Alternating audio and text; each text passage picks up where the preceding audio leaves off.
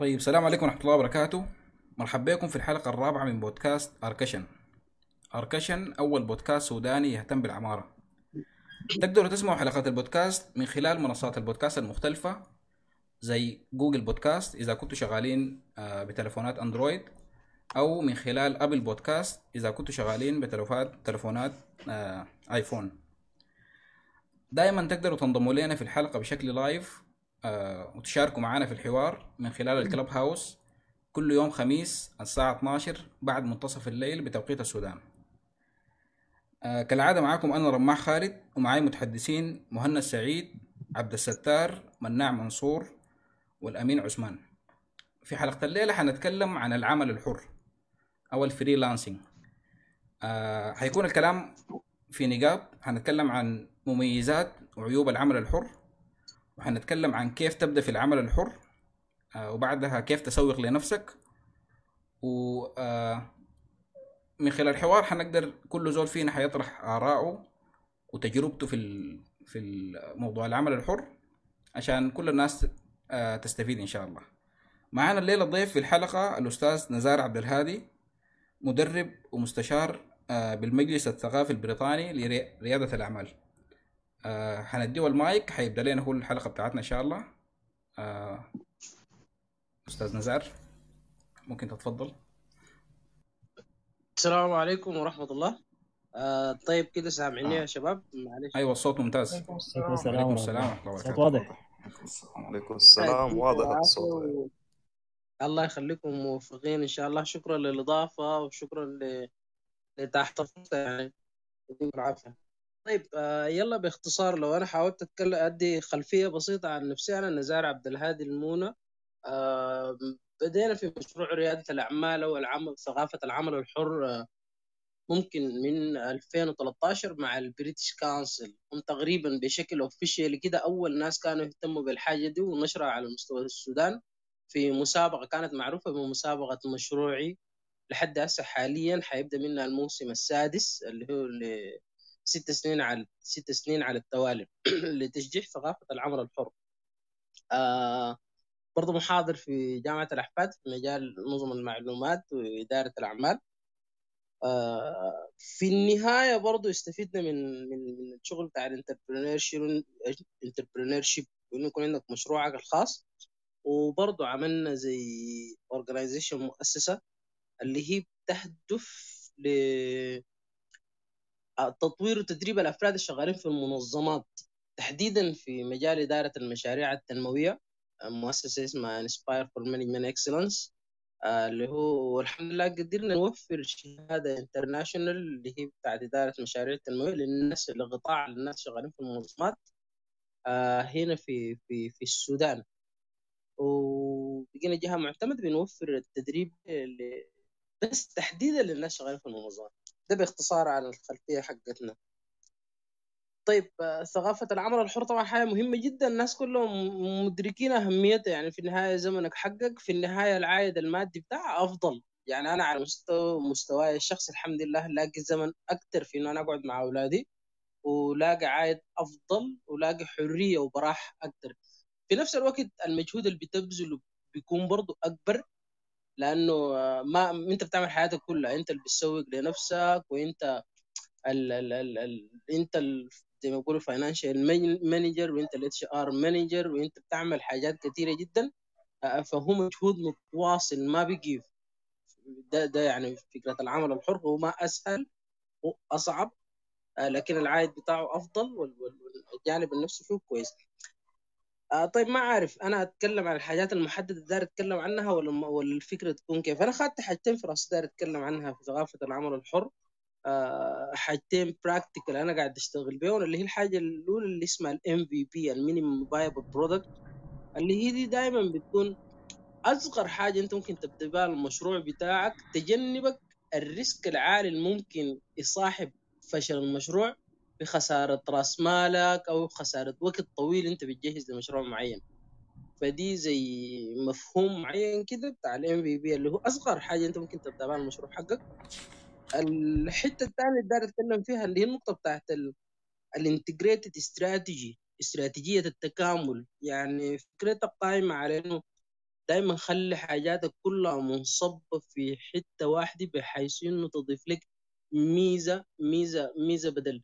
بدل تكتر مهاراتك تجود مهاراتك ماشي رأسيا بدل التوسع الأفقي. اللي هي برضه واحدة من الحياة اللي نحن ساعدتنا في انه يعني بحمد الله نقدر يعني ننجح ونحقق حاجة. يعني أنا لما أعمل حاجة هنا اوتوماتيكلي بتكون أضافت لي ميزة إضافية. فدي الحاجتين اللي داير أتكلم فيهم. فما عارف أنتوا بتفضلوا اللي عندكم أتوقع البداية دي حتكون كويسة. يعني في نفس الكلام بتاعنا وحتكون بداية كويسة لنا يعني. فممكن طوالي تفضل تبدأ بها طيب تمام. أكثر المعوقات إحنا دائما كنا سؤال بنسأله. نحن طبعا الحمد لله برضه لفينا في أكثر من ولاية. السودان من شرق وغربه من دارفور بور السودان كسلة. فدائما كان عندي سؤال بسأله في الورشة. شنو ال challenges اللي بتواجهك أنت يا شاب؟ لحد الآن ما خلتك تبدأ مشروعك الخاص. عندي file كبير فيه الحاجة دي موجودة لكن كل الحاجات كانت بتتلخص في في حاجات بسيطة جدا متعلقة بإنه أنا والله ما عندي الخبرة الكافية عشان أبدأ مشروعي الخاص. والله يا أخي أنا متخوف من الفشل آه عشان كده ما بديت مشروعي الخاص. والله يا أخي حتة التسويق أنا عندي مهارة لكن ما قادر أسوق لنفسي عشان كده ما بديت مشروعي الخاص. آه والله يا أخي ما عندي رأس المال الكافي عشان أبدأ المشروع الخاص. فدي دائما كانت بتتعلق الحاجات في, المحاور الأربعة دي. ف في واحد اسمه إريك اللي هو جاب الاستراتيجية أو جاب الفكرة بتاعت ال MVP ال minimum viable product أصغر وحدة أنت بتبدأ بها المشروع. وجاب منهجية اللي اسمها lean startup ال lean startup الزول ده هو زول بتاع كمبيوتر وكان لمدة ستة شهور شغال في application وتعب فيه تعب شديد جدا. وبعد ستة شهور لما نزل ال application ما خلى feature في الدنيا حامه إلا وضمنها في ال application حقه عشان عشان يتفادى أي سؤال ممكن يسألوا له. وهو زي جاب نموذج متكامل دخل به السوق. اتفاجأ بعد ستة شهور ال application بتاعه ما لقى رواج وما في زول طالبه وما عليه يعني ما في ما في ما في رغبة كبيرة فيه. فوصل لقناعه إنه يا أخي بدل ما كان ينتظر ستة شهور وينزل ال application عنه بال full features حقته قال sorry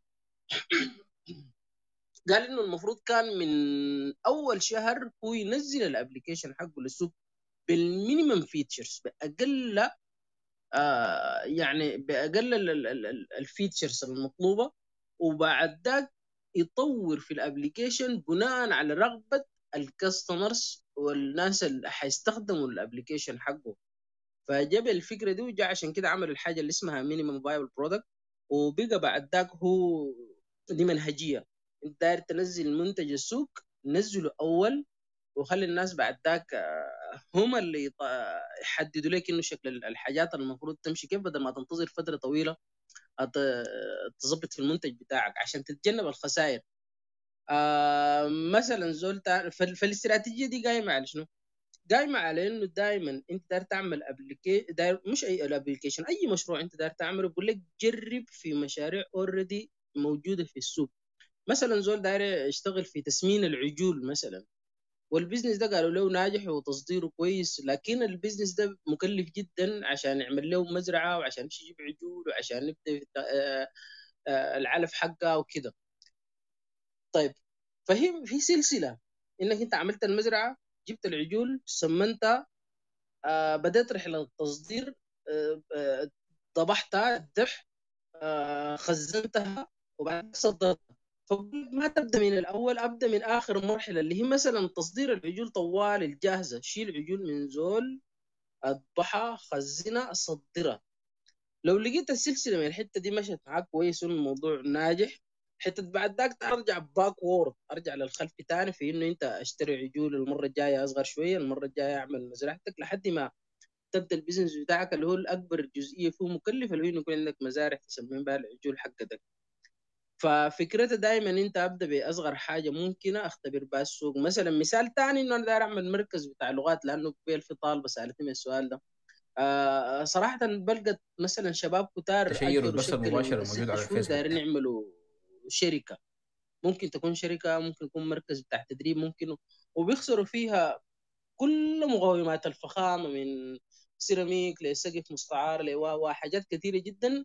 آه بيتفاجئوا إنه بعد ستة شهور ما عندهم الزباين الكافيين وبيبدوا بعد ذاك يغلصوا في حاجاتهم بيبدوا يبيعوا الحاجات بتاعتهم حتى مرات بالخسارة مرات بأي حاجة يتخلصوا من الشركة لأنه هم ما حققوا أرباح.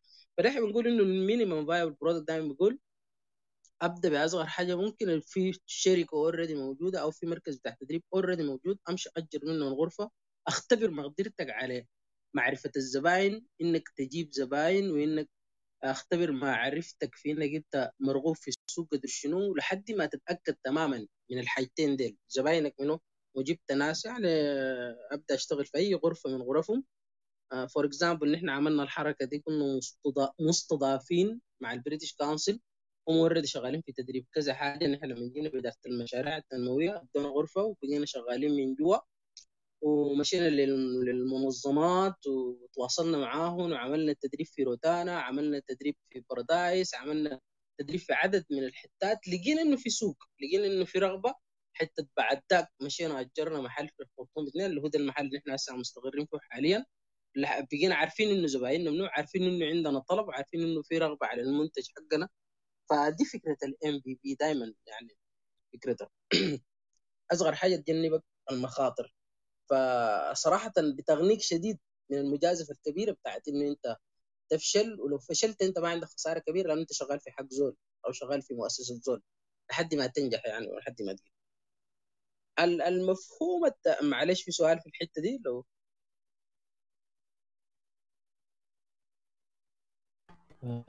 واصل يا أستاذ زار الناس مستمتعين جدا والله بكلامك واصل لو عندك أي تجارب كمان في في شركات أو شباب يعني طرحوا مواضيع يعني هندسية وكده لأنه طبعا معظم أو كل الجروب هنا تقريبا معماريين فبتوصل المعلومة بشكل أوضح شيء لكن الآن كلامك ممتاز جدا ومستمتعين جدا بكلامك والله.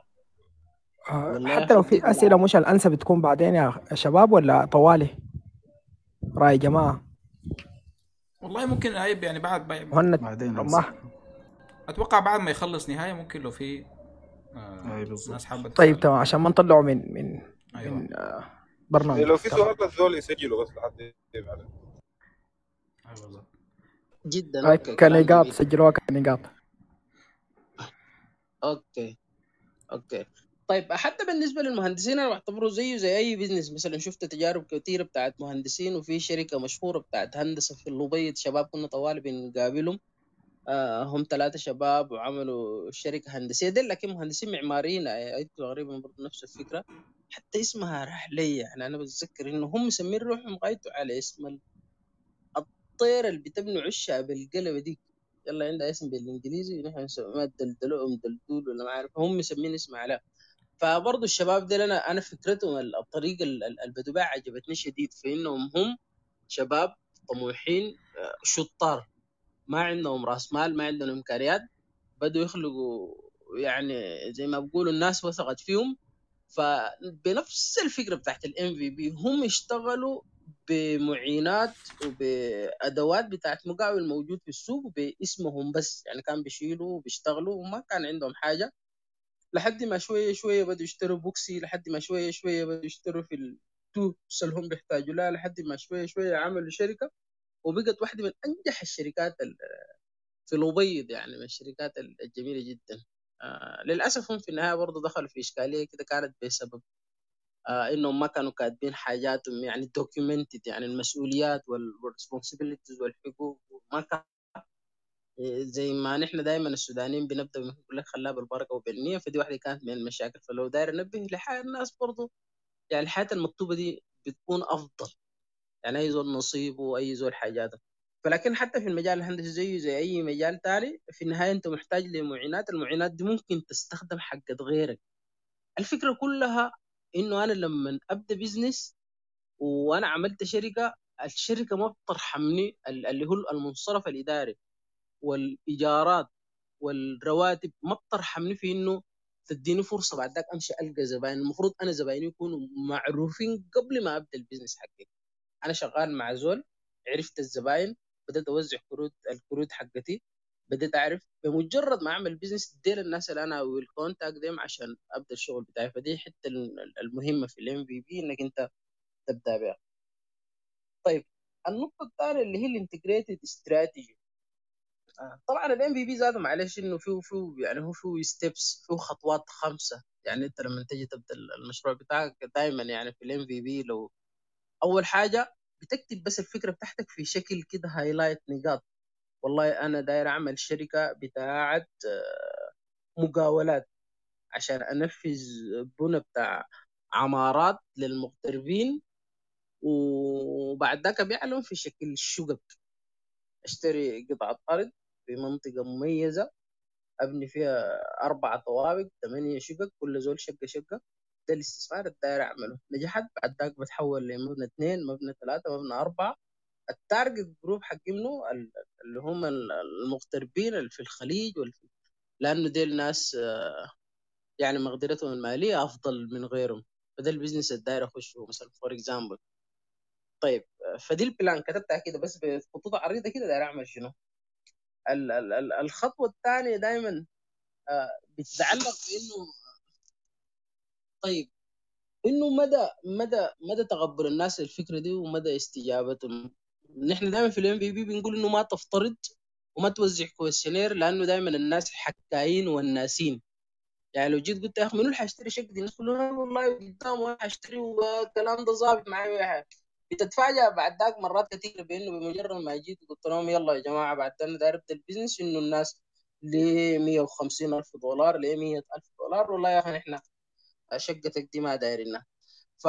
فنحن بنقول قبل ما تبدأ ال business حقك بالطريقة دي المفروض تكون بشكل فعلي اختبرت جدية الناس في إنهم يتملكوا الشركات والحاجة دي بتبدأ بتين لما الزول يرجع يدخل يده في جيبه. بيكون مستعد يطلع القروش. في اللحظة دي ده أنا بعتبره زول حقي وبعتبره زول جادي. ف... فدي الخطوة الثانية يعني. الخطوة الثالثة بتبقى بعد ذاك إنه أنت الام في بي حقك داير تبنيه كيف آه هل إنه أنا حقوم مثلا أعمل فيديو توضيحي فيه شكل الشقه عاملة كيف والبيت عامل كيف والشارع ويوضحها لأنه دائما الصورة أكثر يعني وضوحا من الكلام. بعد ذاك ارسلها في شكل videos للناس يشوفوها يعني التصور له إنه يكون في شكل بتاع فيديو الناس تشوف الحاجات عاملة كيف.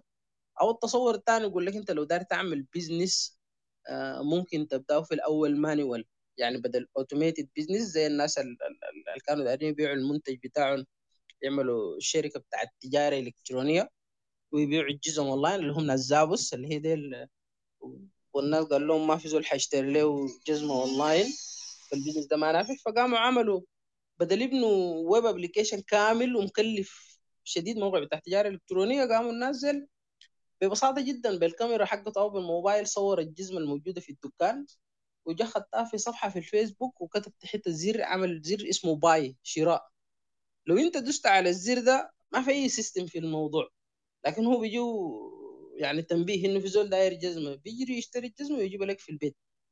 لحد ما لقى إنه الناس كتار عملوا دوس للزر ده عشان يشتروا الجزمة فعرف إنه الموضوع ماشي. حتى بعد ذاك بنى الموقع بقروش كثيره جدا وبقى يبيع الجزم اونلاين فنفس الفكرة هنا المهندسين برضو إنه أنا عملت الزر مكتوب عليه اختار الشقة اللي أنت دايرها في الطابق الأول ولا في الطابق الثاني ولا في الطابق الثالث وحددها يمين شمال. واحدد بال features بتاعتها فلو أنت دست على الزر ده أنا بعتبرك أنت جادي. آه لو ما دست عليه معناه أنت ما قدرت تشتري. لأنه هسه لو جربت مثلا خشيت موقع بتاع التجارة الإلكترونية أو لو خشيت أمازون لو خشيت أي موقع ما بدوس على buy product انه شراء المنتج بس بتفرج كده وبمرق. ده أنا زول داير أتونس. لكن لو أنا كنت جادي داير أشتري وعندي Visa card بدوس buy دست على buy ده, ده الاختبار الحقيقي لمدى جديتي في الشراء. فنفس الحكاية هنا المهندسين ممكن يعملوا الحاجة دي عشان يختبروا بها الجدية الفعلية بتاعت المهندسين في في الزباين انهم عاوزين يشتروا شنو آه فدي تقريبا الحتة بتاعت الخطوات الرئيسية الموجودة في ال MVP ولاحقا ممكن نحن يعني ممكن زي ما بقولوا آه نتناقش فيها بشكل تفصيلي أكثر يعني. طيب ال point الثاني اللي هي ال integrated strategy استراتيجية التكامل. طبعا دائما الناس ال business بيقول لك إنه لما تجي تبدأ business أو لو دار تخش في عالم ال business في ناس بميالين للتوسع الأفقي. التوسع الأفقي ده اللي هو آه يكون عندك أكثر من مهارة أكثر من business تعدد في المنتجات حقتك بحيث إنه لو فشل ده ينجح المشروع الثاني. يعني مثلا زول شغال مواد غذائية في نفس الوقت يقوم يشتغل تبريد وتكييف في نفس الوقت يقوم يشتغل استيراد سيارات حاجات ما عندها علاقة ببعض لكن عشان ده لو فشل يشيلوا المشروع الثاني فدي استراتيجية ناس شغالين بها وفي استراتيجية ثانية اللي هي الاستراتيجية الرأسية التكاملية. ده بيقول لك لا لا ما تتنوع لكن تخصص وتميز. يعني مثال زي شركة ناس كاك ناس ماثيو ديل في المجال بتاع ال ال ال بالذات بس الدواجن وكاك يعني تحديدا يعني.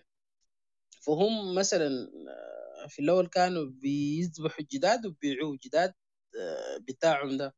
حتى كانوا بيبيعوه في الطرمبات بيبيعوه في حتات المهم جدا بعد شوية قاموا مشوا يتوسعوا راسيا يعني. يتوسعوا راسيا دي معناها انت تمشي خطوة نحو الزبون انه بدل تديه جداد أو تديه دجاج ني يمشي يطبخوا براه طبخوا له.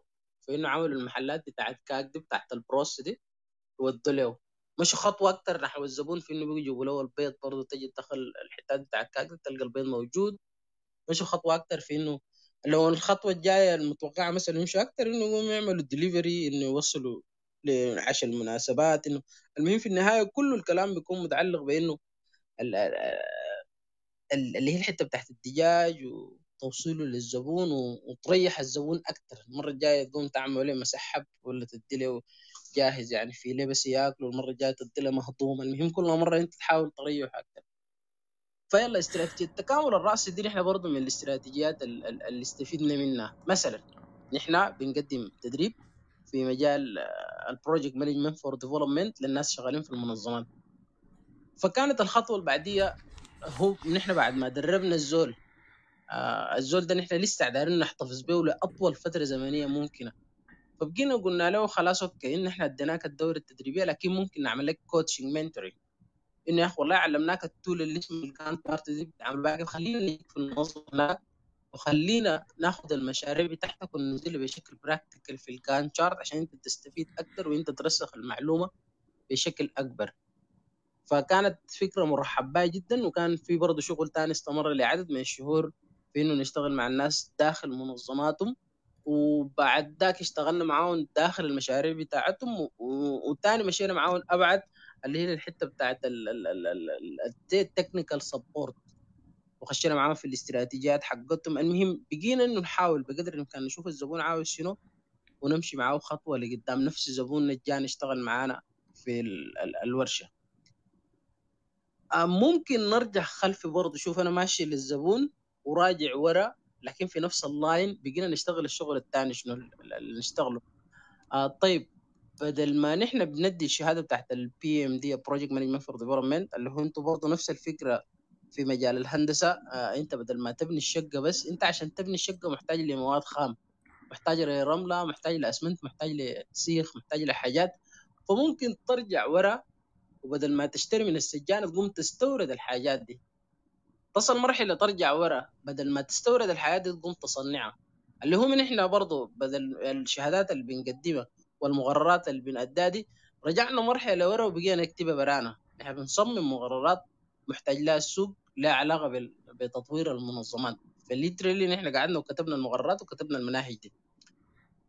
فده بالنسبة لنا نحن كناس يعني داخلين ال business لكن بخلفيات أكاديمية وعشان نتجنب المخاطر فبنكون ماشيين راسيا في الحاجة دي بدل ما أنا أجيب خواجة من برا ويصمم لي المقرر بقروش كثيره فدي يستفيدنا من الحياة دي. نفس الحكاية بتوقع انه المهندسين بعد شوية انه هم هم ذاتهم في ال business بتاعهم بدل ما بس يعملوا خطط وينفذوها انه هم الأدوات تكون حقتهم وانه نرجعوا لورا انه هم اللي استوردوها وانه ماله يصلوا مرحلة هم اللي صنعوها ذاتهم.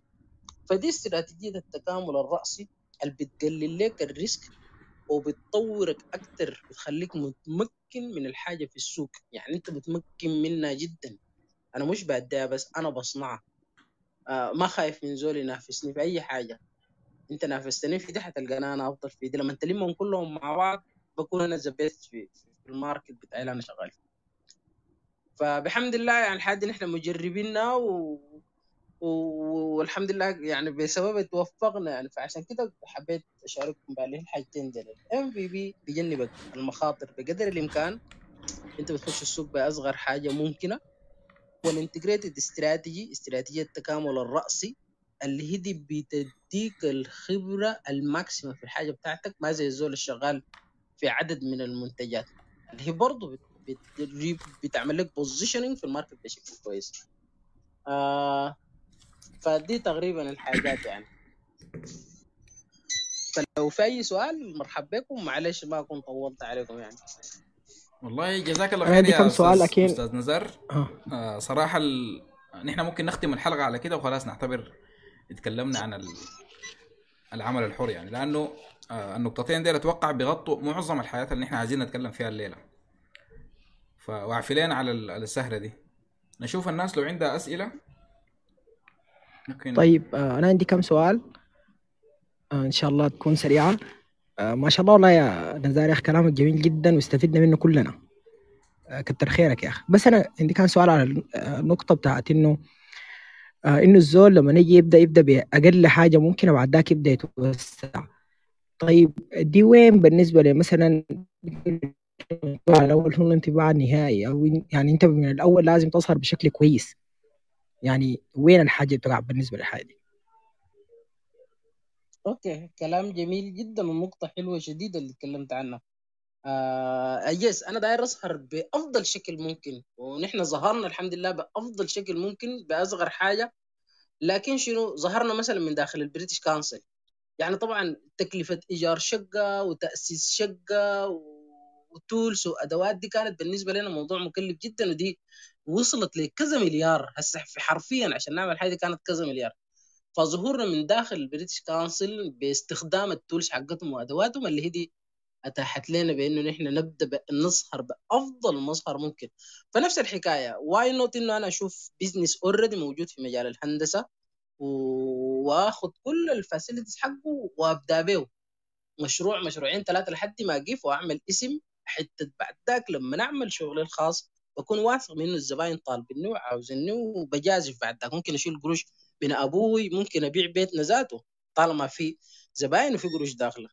دي الفكرة. طيب آه كلامك آه في في موضوع ال- ال- المثل المثل اللي تكلمت عنه في موضوع الجزمة إنه بس تجي تعمل buy إنه حيجيو اشعار وكده. آه إحنا مثلا في مجالنا الهندسة إحنا ما ما بنبيع آه منتج كده بعينه. إحنا بنبيع خدمة service كامل أو service عموما. يعني ما ما عند يعني مثلا ما حيكون عندي تصميم ليك أنت جاهز. أنت لازم تجيني أول وتقعد معي عشان أنا أوريك إنه التصميم حيكون كيف.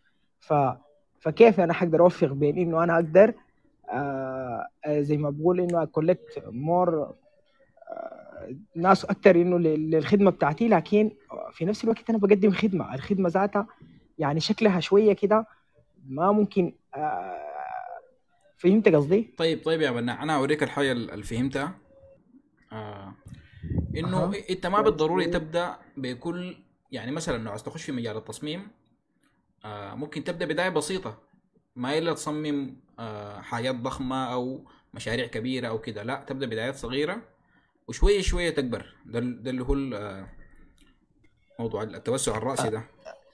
آه، يعني- لا أنا قصدت إنه هو كان بيتكلم عن إنه آه، عشان تعرف إنه الزول ده جاد قدر شنو ما هو هو زي بي collect clients أيوه. فانا أنا ما حقدر أعمل الحاجة دي بالطريقة دي. فهمت علي؟ لأنه أنا بقدم خدمة. كلامه كانما هو بيتكلم. عن منتج معين بس أنا ما بقدم منتج أنا بقدم خدمة. فهمت قصدي؟ يعني لو كانت خدمة كيف ممكن أنا أصل لنفس الحاجة اللي أنت قلتها يعني؟ كويس كلام جميل. مداخلات الشباب كويسة. بس دار هم هم أنا دايرهم هم يجاوبوا أكثر لأن الموضوع يكون brainstorming أكثر يعني. آه، لكن بالنسبة لنا في التدريب برضه بنقدم خدمة كلها يعني ما ما بنقدم برضه منتج. يعني التدريب عبارة عن خدمة آه، بتقدمها للزبون. ف... فصراحة في الأول نحن كنا شغالين باستراتيجية. شغالين ال want.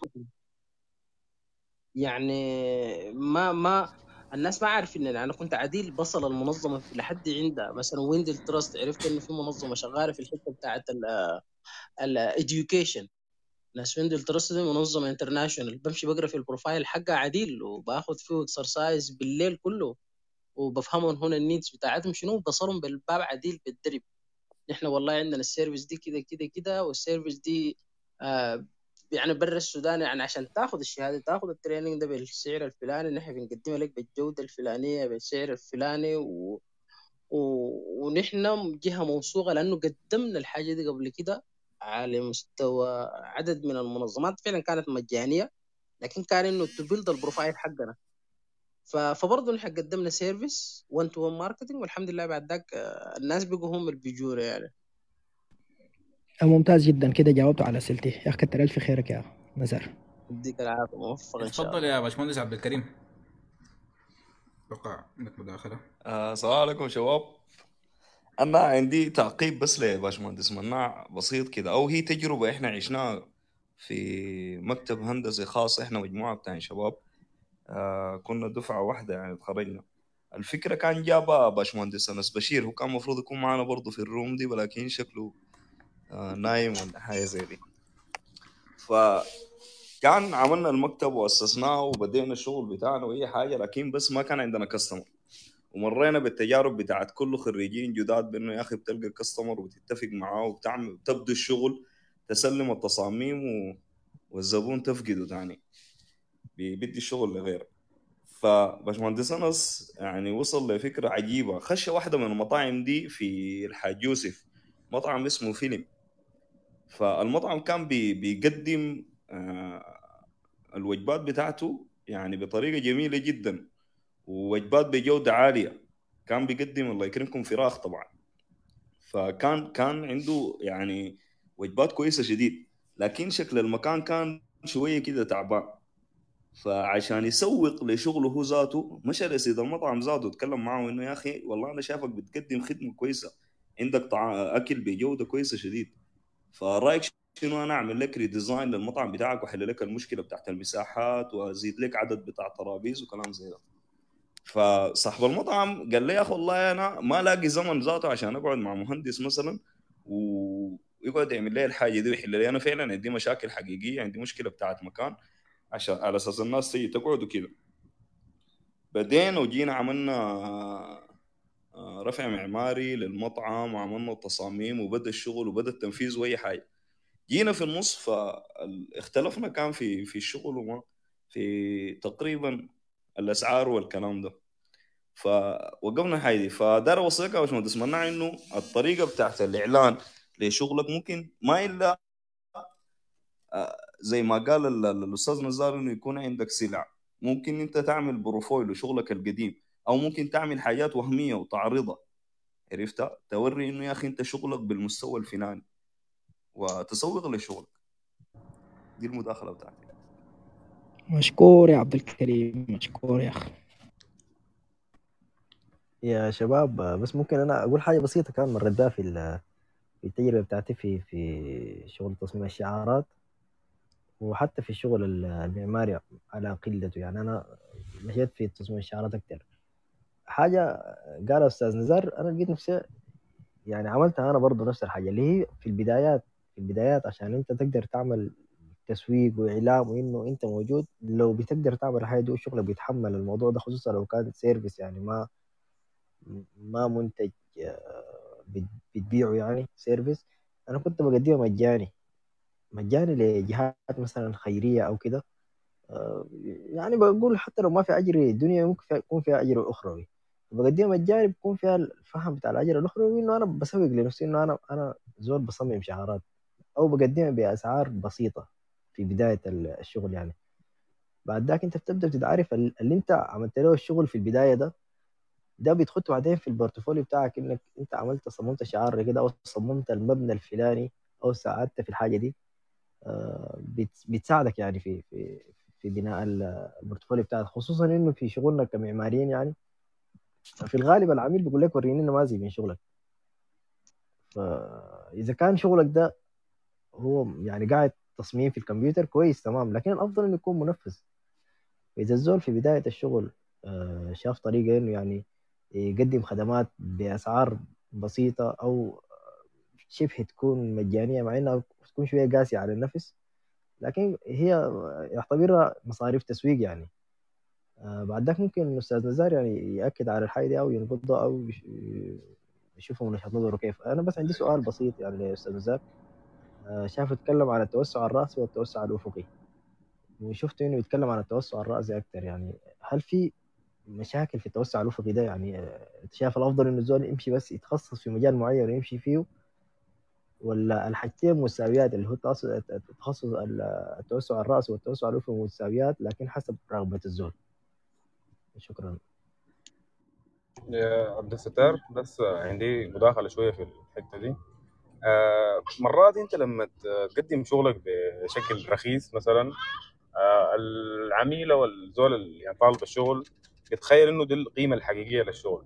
فزمان كنا يا تقدم تشتغل شغل مجاني مرة واحدة أو تخط القيمة الحقيقية لشغلك. لكن السعر الرخيص مرات بي زي يعني الفرط الهسي ب 10000 و 15000 في السوق يعني. العميل لما يجيك تقول له الخرطة سعرها كده يقوم يقول لك لا لا يا أخي في فلان بكده وفي فلان بكده بكم بيقدم شغله بطريقة رخيصة يعني في السوق. فبشوف انها ممكن يكون يعني زي سؤال أو تساؤل لمستر نزار إنه الحاجة دي صح ولا غلط يعني؟ إنك تقدم شغلك بطريقة رخيصة ولا تقوم تقدم بشكل مجاني وتاخذ القيمة الحقيقية لشغلك يعني. أو العميل يكون عارف القيمة الحقيقية لشغلك وأنت مديه قيمة أقل منها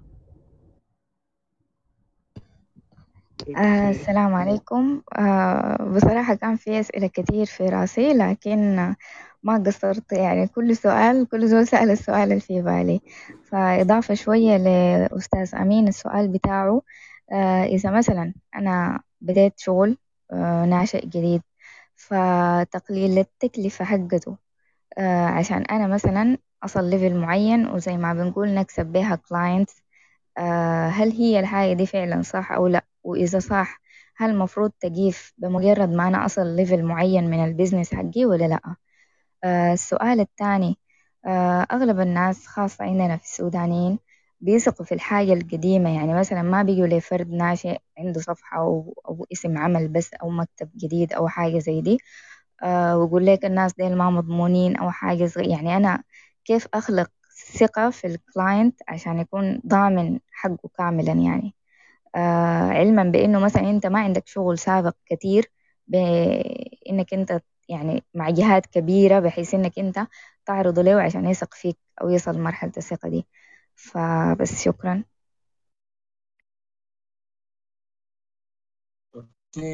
ده كلام جميل.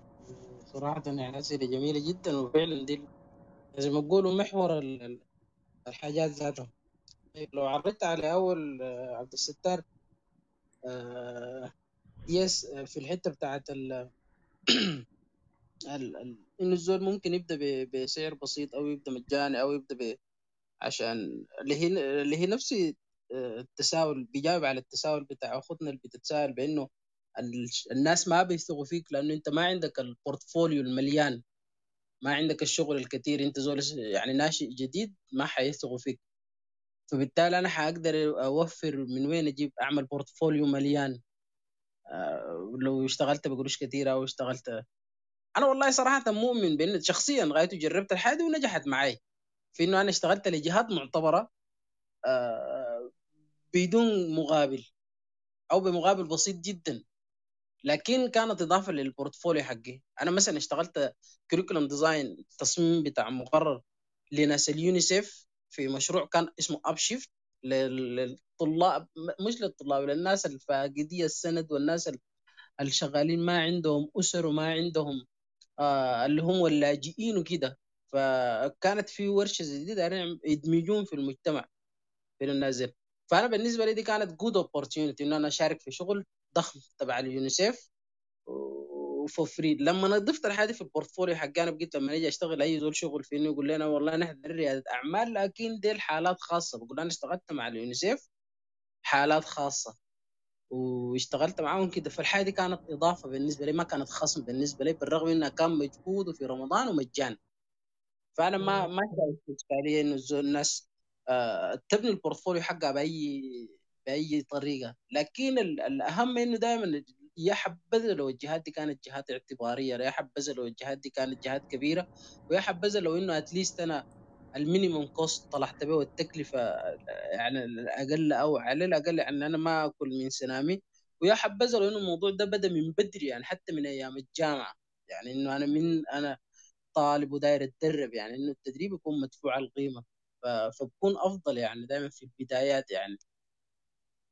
آه الحتة الثانية برضو يعني يعني أنا ما شخصيا ما مانع شخصيا جربتها ونجحت معي ما شايف فيها إشكالية إنه أنا أشتغل مجاني لحد ما أموري تظبط وأبني ال CV حقتي ال profile حقي. الحاجة الثانية اللي هي كانت سالنا عبد الستار اللي هو الشغل التوسع الرأسي ولا الأفقي؟ الراسي فكرته إنه من المزارع بتاعه الالبان وأنا ماشي نحو الزبون أجود له أبيع له لبن جاهز. الافقي طبعا بس أنا أذكر إنه يكون عندي كم تجارة عدد متعدد من البضائع يعني ما أكون شغال في حاجة واحدة. زي الناس معاوية البرير دي مثلا شغالين صابون وفي نفس الوقت آه عاملين business بتاع جامعة وفي نفس الوقت شغالين حاجات تانية مثلا متعددة. آه يلا الحاجة اللي أنا لاحظت لها دائما خلفيتنا نحن الأكاديميين في البزنس إلى حد ما خوافين. ودايرين نتجنب الخساره بقدر الإمكان. عشان كده دائما بنفتش على التخصصية والتميز. فعشان كده أنا لقيت التوسع الرأسي بالنسبة لي هو الأنسب. لكن التجار آه الحاجة الثانية الشغف. يعني أنا مثلا يعني صعب إنه أشتغل في تجارة. ما لها علاقة بالشغف حقي أنا زول مثلا شغوف جدا في مجال التدريب والتطوير والتدريس والتأهيل. فعشان كده دائما بحاول أربط حاجاتي كلها بالحاجة دي. أرجع لورا أصمم كتاب أصمم مقالات أنشر post أمشي لقدام أدرب أهل أعمل coaching mentoring الكلام كله له علاقة بال learning فبالنسبة لي صعب أخش في business ثاني أبيع وأشتري حاجة ما لها علاقة بالحاجة دي. فعشان كده لنا كاكاديميين برضه بيكون إنه خلفيات نحن جايين من خلفيات أكاديمية بيكون مناسب. لكن التجار العاديين مثلا قال له والله الدولار مدور خلاص اشتغل دولار ما ما عنده شغله بالشغف حقه هو بس داير قروش بس. آه قالوا له لا لا والله يا أخي في بزنس ثاني بتاع آه تسمين عجول خلاص تسمين عجول ما مشكلة. يعني هو مجنب مشاعره خدتها جنبه وخدت الموضوع بالنسبة له. ما عنده علاقة بالشهادة بتاعته ما عنده علاقة لكن الموضوع بالنسبة له دخل وخلاص. فعشان كده هنا ننسب معاه التعدد ده بتاع إنه يشتغل في كذا مجال. فدي وجهه نظر شخصية يعني لكن شايفها هي أنجح الرأسية دي يعني. فده سؤال عبد الستار لو كان كده رأسي أم افقي الافضليات يعني. آه في برضه السؤال بتاع آه تاني كان في سؤال تقريبا كده جاوبناهم كلهم. مش أيوه أتوقع كده كل الأسئلة. أي أي تقريبا. حكايه انه رخيص ولا غالي دي زي بيقول لك الرخيص بيرخص يضوقك مغص دي. ف... طبعا موضوع الرخص ده أتوقع يعني انت في النهاية بتتنازل مقابل حاجة حت حتضاف لك في ال portfolio بتاعك. يعني هو ما تنازل من أجل التنازل. يعني انت في البداية بتبني في سمعة زي ما قال الأمين آه ممكن تشتغل مجان أو زي ما قال عبد الستار برضه تشتغل مجان لفترة طويلة وبعدها تكون قدرت تعمل portfolio على وبعده يعني بوجود portfolio أنت بتقدر بقلب قوي تقول للناس ده شغلي وأنا اشتغلت للجهات واحد اثنين ثلاثة آه بس يعني لازم يكون في عائد من الموضوع ده. لو الشغل ما كان حيخش معك في portfolio آه مشروع مثلا ضعيف تعبان أنا ما أعرف الفائده شنو بتكون إنه تشتغلوا أنت مجان لازم يكون في مقابل. تتنازل من القروش مقابل القيمة المعنوية أو البورتفوليو. طيب آه انت طبعا لما بديت المقدمة بتاعتك اتكلمت عن المميزات بتاعت العمل الحر. أنا أتوقع دي ممكن تكون نقطة كويسة إن إحنا نبدأ نتناقش فيها كلنا آه مميزات وعيوب العمل الحر. يعني آه أتوقع كل كل زول ممكن يكون عنده إضافة. قبل أيوة. النقطة دي. تفضل. آه قبل النقطة دي بس عندي سؤال الأستاذ نزار. آه الصوت واضح؟ أيوه واضح. آه الفرق يعني دائما كان في لبس بيحصل كده بين الفرق بين العمل الحر وبين ريادة الأعمال. يعني دائما كان سمعت إنه العمل الحر بيعتمد على المهارة أو يعني زول عنده مهارة. أما ريادة الأعمال زول عنده فكرة. هل الموضوع ده فيه فيه في فريق؟ يعني أنا رجعت بيكم لورا شوية معلش بس يعني هي فرصة إني أسأل سؤال زي ده يعني. والله يا أخي غايته شخصيا كده ما في فرق كبير يعني. هو في النهاية نحن طالعين من من الحتة بتاعت الوظيفة. لكن دائما بيقول لك إن ريادة الأعمال فيها الجانب بتاع الشغف الجانب بتاع إنك أنت بتعمل حاجة انت رست فيها وهمك الأول ما القروش آه لكن بتصل مرحلة إنه القروش بتجري وراك لأنه أنت بتعمل حاجة حبيتها. آه لكن مجال البيزنس العادي التجار العاديين فدائما بيكون همهم الأول القروش. يعني يجيب قروش بأي شكل كان بغض النظر عن إنه هو يعمل حاجة بحبها ولا ما بحبها يعني. آه لكن هم في النهاية يعني داخلين في التصنيف بتاع إنه زي ما بيقولوا نوع من أنواع التجارة يعني نوع من أنواع الكسب الغير وظيفي. أتمنى اكون جاوبت على السؤال. لا لا تمام. معلش بس آه، تعقيب صغير كده. الكلام الجميل كان قاله لمين؟ اللي هو إنه أنت لو يا تشتغل مجاني يا اما تشتغل بمبلغ كويس لكن المبلغ البسيط ممكن يعني يعمل مشكلة في السوق أو خلل. العميل يقول لك أنا لقيت عين فلان بكده أو بالشكل ده أنا شايف إن الحياة دي هي ما ما حد كيف يعني. أنت حتى لو أنت ما ما ما عملتها كضريبة لأنك تسوق لنفسك أو تملى البورتفوليو بتاعك هي ما هتجيف لأنه دائما السوق فيه طبقات كثيرة. لكن دائما الزول بيختار العملاء بتاعينه وبيختار طبقة العملاء. يعني أنت الآن بتعمل. خدمة آه، في في آه، الناس الخدمة دي بالنسبة لهم أصلا هي رفاهية. ما محتاجين لها يعني. أنت لما أنت تقول لي الحاجة دي أنا بعملها بكده كده بقول لك لا ليه؟ ما الحاجة دي ما ضرورية بالنسبة لي يعني ما حاعملها طيب ناس ثانيين عارفين اهميه طيب. الحاجة اللي أنت بتقدمها نحن حن... وبالتالي آه، يعني وخصوصا إنه معلش بس حاجة صغيرة كده الأخيرة يا رماح أيوه تفضل. وخصوصا إنه الزول ممكن خد في باله إنك أنت الآن بادي صغير. يعني إحنا بنتكلم عن إنك أنت بتقدم مجانا وبتقدم بمبلغ بسيط أنت الآن تعتبر صغير في السوق.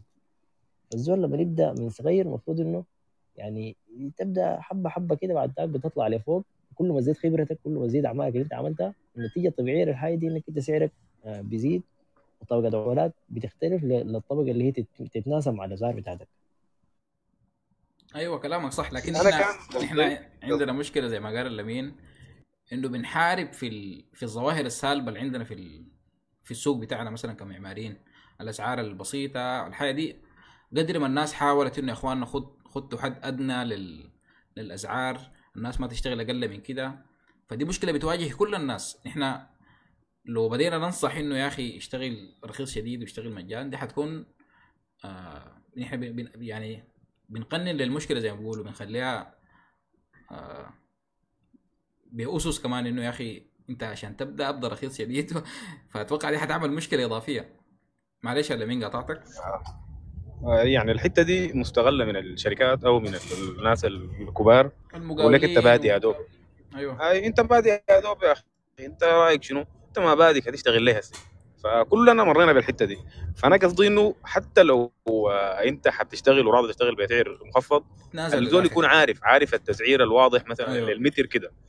وأنا اتنقصت لك كده عشان كده. آه، بس يعني قصدي يكون الجهتين عارفين الحاجة دي. لكن لما تكون أي زول برخص وده بزود عليك في الترخيص عشان يقبل الشغل هتكون مشكلة يعني. أيوه وبعد ذاك الموضوع ده بتلقاه على يعني في كل العالم. تجي الخليج يقول لك يا أخي خبرة داخل الدولة يضغطوك بالحتة دي عشان يدوك مرتب بسيط. وفي السودان هناك يقول لك انت ده بادئ جديد. ف يعني لازم يكون في حد أدنى الناس ما تنزل منه عشان آه، حتى لو حتسوق لنفسك تسوق لنفسك صح. يعني زي ما انت بتقول يا يا عبد الستار انه آه عندك حتكون فئة معينة من العملاء مستهدفين وكده لكن كمهنة المفروض يكون في حد أدنى الناس ما تنزل منه. طيب أنا أتوقع كده اتكلمنا في. خصوصا إنه أيوه اتفضل آه، يعني خصوصا إنه قصدي إنه ما في تسعير واضح عندنا في السودان للخرط وشغلنا يعني المعماري. ممكن يكون المقاولات فيها تسعيرات واضحة لكن آه، شغلنا ما فيه تسعير واضح. فهو مجال مستغل يعني شوي. ممكن برضو يا أمين آه، يعني تتنازل عن سعر التصميم مقابل التنفيذ. دي برضو من الحياة اللي ممكن شنو؟ وإذا ما تعوض بتشتغل لك. تنفيذ. دي, دي المشكلة إن إحنا فيها بالضبط أصلا. كده. هاي بالضبط إنه إذا ما بيشتغل تنفيذ. دي دي واحدة من المشاكل اللي... دي دي السلام عليكم. يلا يا عبد الكريم واحدة من المشاكل بالمناسبة بس فيها صغيرة رماح معلش ما أقدر أقاطعك ال- التصميم آه، القروش اللي فيه أكتر من التنفيذ. الناس ما عارفة الحاجة دي. آه يلا الحاجة اللي قلتها يا باشمهندس عبد الكريم إحنا اتكلمنا فيها قبل كده إنه طوالي بتجي على حساب ال- الناس اللي بيشتغلوا التصميم بيجي مقابل بيقول لك يا أخي أنا استلمت المشروع ده مجان آه، أو كتصميم مجان عشان أمسك التنفيذ. فبيقول لك يا أخي اشتغلوا لي بأقل سعر وجاي مني المرة دي وبعد ذاك الاسطوانه اللي إحنا عارفينها دي. ففي النهاية بتجي على على ناس التصميم. في النهاية يعني الموضوع ده كله حلقة واحدة كده. طيب إحنا عشان ننتقل لإخواننا للنقطة اللي بعدها عايزين نتكلم عن مميزات وعيوب العمل الحر. يعني إن إحنا ما حنتكلم عن العمل الحر كأنه حاجة مثالية وإنت بما إنك آه الكلام بتاع التنمية البشرية ذاك إنه يعني خليك حر واشتغل شغلك والكلام ده لكن في عيوب برضه الواحد المفروض يخطها في الاعتبار قبل ما يخش في في موضوع العمل الحر. آه العيوب دي انت ممكن لو عرفتها من بدري تقدر تتجنبها عشان ما تقع فيها أو على الأقل تكون مدرك إنها موجودة وكيف تتعامل معاها بعدين أنت لما تشتغل شغل حر. آه أنا أتخيل لي واحدة من أهم الأسباب اللي بتخلي الناس تنتقل للعمل الحر إنه آه الوظيفة بتكون يعني ما بتلبي طموحاتنا نحن.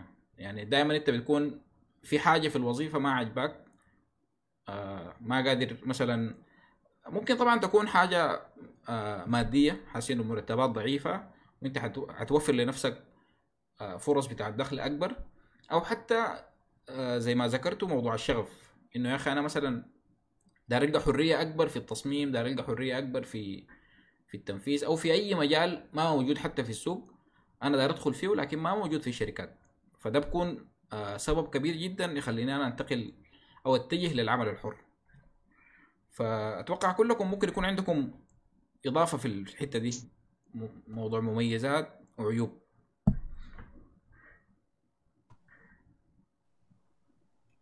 آه طيب آه السلام عليكم ورحمة الله. آه شكرا أستاذ نزار على المداخلة. آه أنا عندي مداخلة في الحتة بتاعت المميزات والعيوب. أول حاجة طبعا آه زي ما ذكرتوا إنه زمنك و زمنك في يدك وإنه أرباحك ما محدودة وممكن تتوسع بطريقة كويسة جدا. زائدا بالنسبة لي أنا ككلاينت لما ألاقي شخص حر أو شخص بيقدم خدمة أكيد حيكون بيقدمها بسعر أقل من الشركات أو المكاتب الكبيرة لأنه ذلك بيكون عندهم تكاليف زيادة. فأنا برضو مستفيد من الحتة دي. بتبقى الإشكالية بالنسبة لي العيوب إنه مثلا هي مش عيوب قد تكون في صعوبة في الفترة الأولى بالنسبة لك أنت ك كفريلانسر في أنك تبدأ. آه وزي ما برضو تكلم عنها الأستاذ نزار في أنك آه ممكن تتبع استراتيجية ال MVP آه أنك تبدأ مثلا من البيت إذا بتصمم مثلا تبدأ من البيت وأجهزة بسيطة أو تشارك مكتب مع شباب. بعد ذاك شوية شوية حسب دخلك بت بتوسع شغلك. وبرضه ممكن تعمل portfolio. portfolio ممكن حتى أعمال الجامعة تعملها بصيغة كده كويسة. وتعمل برضه مشاريع تتدرب عليها. الشيء الكويس إنه إحنا في مجالنا حتى الشغل اللي أنت بتعمله مع نفسك تدريب بيتحسب ك portfolio يعني أنت ممكن تعمل خرط أو تعمل تصاميم وتعرضها كتدريب أو تدخل مسابقات مثلا. فدي حاجة بالنسبة لنا امتياز إحنا في مجالنا ده. آه برضو أنا شايف من من عيوب العمل الحر خاصة عندنا في السودان أنه في ناس كثيرة بدون خبرة بتلاقيهم في السوق. فدي إشكالية كبيرة جدا. يعني خاصة ناس بتكون يا دوب اتخرجت وما عندها ال skills اللي بتأهلها انها تشتغل في السوق. فبتنزل بتعمل تملى السوق طبعا تضرب الأسعار تعمل مشاكل برضو لل clients فانه بيدخلوا معاهم في التزامات تقديم خدمة وهم ما بيكون عندهم الكفاءة. فأنا بشوف أن يعني الواحد قبل ما يدخل في في الحتة بتاعت العمل الحر دي لازم يكون مجود المهارة بتاعته أو عنده عنها خبرة كويسة جدا يعني. ارجع لي حلقات كيف تأهل نفسك. أيوة أيوة. ف... فدي حاجة مهمة جدا طبعا يعني. إذا أنت مثلا بتصمم أكيد طبعا إذا ما يعني أنا ما عايز أحكم لكن بشوف إنه يعني أنت لما تشتغل في في مكتب بتاع التصميم بتاخد منهم حاجات كثيرة جدا. ف التصميم اللي كان في الجامعة بيختلف بطريقة ما عن ال عن ال لأنه أنت هنا حتقابل عملاء وحتشوف احتياجاتهم الفعلية وتصمم عليها وحتدرس ال cost. فهي فورمولا كده معقدة يعني ما أنت ما حتكون بس سارح بخيالك. وبتشتغل زي ما في الجامعة. التنفيذ برضه نفس الشيء. يعني أنت التنفيذ في procedure معين بيتم به بحيث أنك يعني تاخد خبرة كويسة في في في في إدارة الجودة في المشروع تتعامل مع العمال مثلا. إنك تدير المشروع كيف. فكونه أنت تدخل المجال بتاعنا ده بالذات تشتغل كفريلانسر في المجالين ديل بالذات أنا بتكلم التصميم والتنفيذ بدون خبرة أنا بعتقد فيها مشكلة كبيرة يعني. أخلاقيا ودينيا. حتى بالنسبة لك أنت برضو قد تدخلك في مشاكل بعدين قانونية أو آه يعني ما أعرف فيها. بطريقة ما فيها سلبية في الحتة دي. آه شكرا. طيب في واحد من الشباب باشمهندس أمجد عمر كاتب في في الفيسبوك قال من عيوب العمل الحر بيحرمك من الاحتكاك بأصحاب خبرات أكبر. وده ده أتوقع الكلام اللي أنت قلته حسي يا مهند إنه لما تبدأ في مثلا وظيفة آه، في مجال التصميم من الاحتكاك بالناس وخبرة السناير أو الناس اللي قدامك يعني بتستفيد منهم وبتبقى بعد ذاك مؤهل لأنك آه، تبدأ الشغل الخاص بتاعك. زي ما انت زي ما آه. ذكرت الموضوع بيختلف من مجال لمجال. في مجالات بتحتاج في البداية تتعلم فيها من خلال ناس من يعني ناس سناير. وفي مجالات ممكن تبدأ براك بتعلم ذاتي. زي ما ذكرنا في الحلقات اللي فاتت أيوه. منها موضوع الاصهار المعماري مثلا. مظبوط مظبوط. أنا أتوقع واحدة من العيوب بتاعت العمل الحر إنه آه نوعا ما بالذات لو كنت شغال مثلا من البيت بيبقى الزمن ما في يدك يعني أو يعني اسبوعك كله شهرك كله عبارة عن عن شغل انت تفكيرك كله في الشغل بتاعك. على عكس الوظيفة اللي هي أنت بتكون محكوم بساعات عمل معينة من 8 ل 5 ولا من 8 ل 4 وهي يعني ساعات دوام. ترجع بعد ذاك أنت فري باقي باقي الوقت ده بتفكر فيه في حياتك الشخصية آه، في أي حاجة تانية. آه، طبعا الناس بيفتكروا إنه الزول اللي بيشتغل شغل حر يعني فري كده وقاعد في البيت ما عنده موضوع لكن الناس اللي اشتغلوا شغل حر بيكون نظرتهم مختلفة تماما انه يا أخي أنا تقريبا 24 ساعة شغال. ممكن أكون شغال بالليل شغال بالنهار يوم الجمعة يوم السبت ما عندي ما بكون مفرق بين الأيام ذاته شغال الأسبوع كله. آه وبتبقى بعد ذاك في المشكلة بتاعت إنه العملاء برضو آه عارفين إنك شغال من البيت فممكن يضرب لك في أي وقت دي واحدة من العيوب اللي انت لازم يعني لو بقيت شغال آه شغل حر تلقى لها علاج. إنه تلزم نفسك بساعات عمل معينة مواعيد معينة. العملاء مثلا عندك معاهم حد في إنه يا أخي بعد ساعات معينة برضو ما أنا ما حاشتغل فأتوقع الحالة دي الزول قبل ما يخش في موضوع العمل الحر لو كان واعي لها فبتفيده شديد يعني. آه ما دائما يا رماح كده. ممكن انت طالما قلت عمل حر ممكن الزول يكون ماسك جوب واحد أو الجوب ذاته بسيط شديد يعني بحيث إنه ساعة في اليوم أو ساعتين في اليوم آه، تكفيك إنه تشتغل يعني.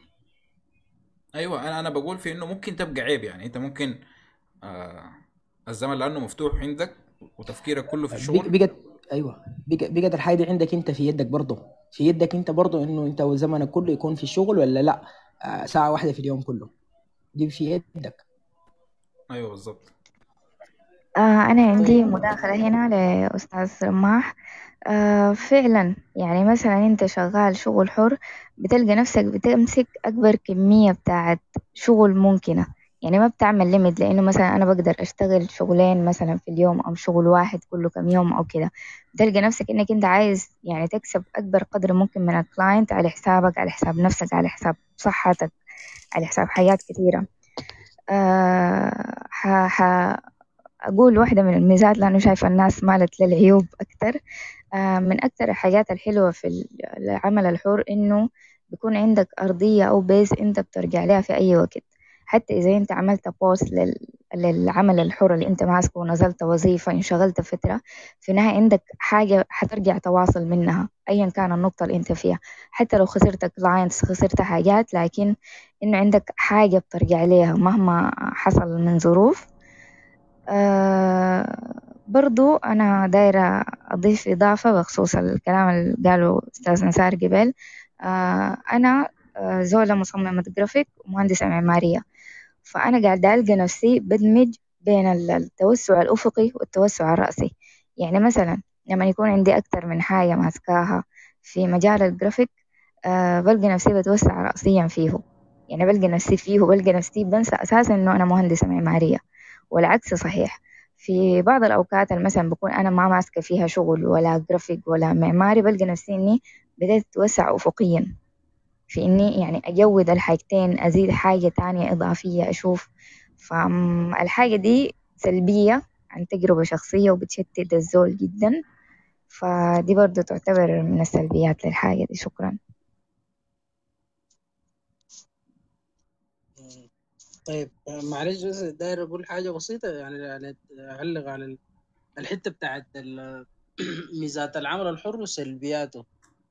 آه احتمال أنا الرأي ما يكون فير لأنه أنا يعني يعني شايفه حاجة جميلة جدا. العمل الحر ده اتليست غايته بيديك الحتة بتاعت زي ما بقولوا كده أنت بتكون غايته نفسك عزيزة شديد يعني ما ما في زول زي ما بقولوا يعني بيفرض عليك حاجات أكبر سلبية في العمل الحر. يعني من أكبر السلبيات بتاعت العمل الحر اللي هي الامان الوظيفي.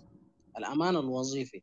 يعني الناس الشغالين موظفين في شركات شغالين جا العيد ما جا العيد هو مرتبه ماشي. يعني حتى كان مات ذاته المعاش بتاعه ماشي. لكن في العمل الحر انت ساي لو أجزت انت بتاكل من سنامك لو وقفت انت بتاكل من سنامك. فدي دي واحدة من سلبيات العمل الحر اللي هي الأمان الوظيفي.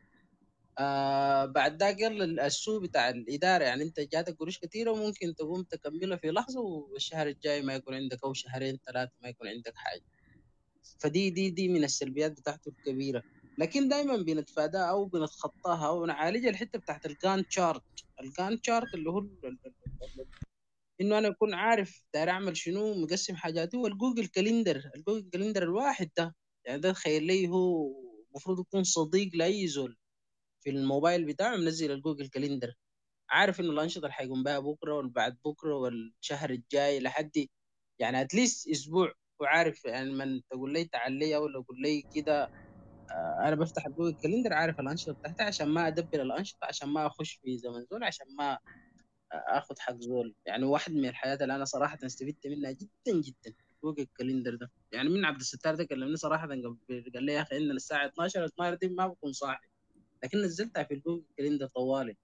جات الساعة 12 إلا أداني reminder تيت تيت تيت تيت, تيت صحاني من النوم. صحيت قمت مع الشباب يعني كانت الونس الجميلة والقعدة الحلوة دي. فهو واحد من الحاجات المريحة اللي بترتب لك زمنك يعني لأنه شايف الشباب شكلهم تحت الزمن. وشكرا جزيلا.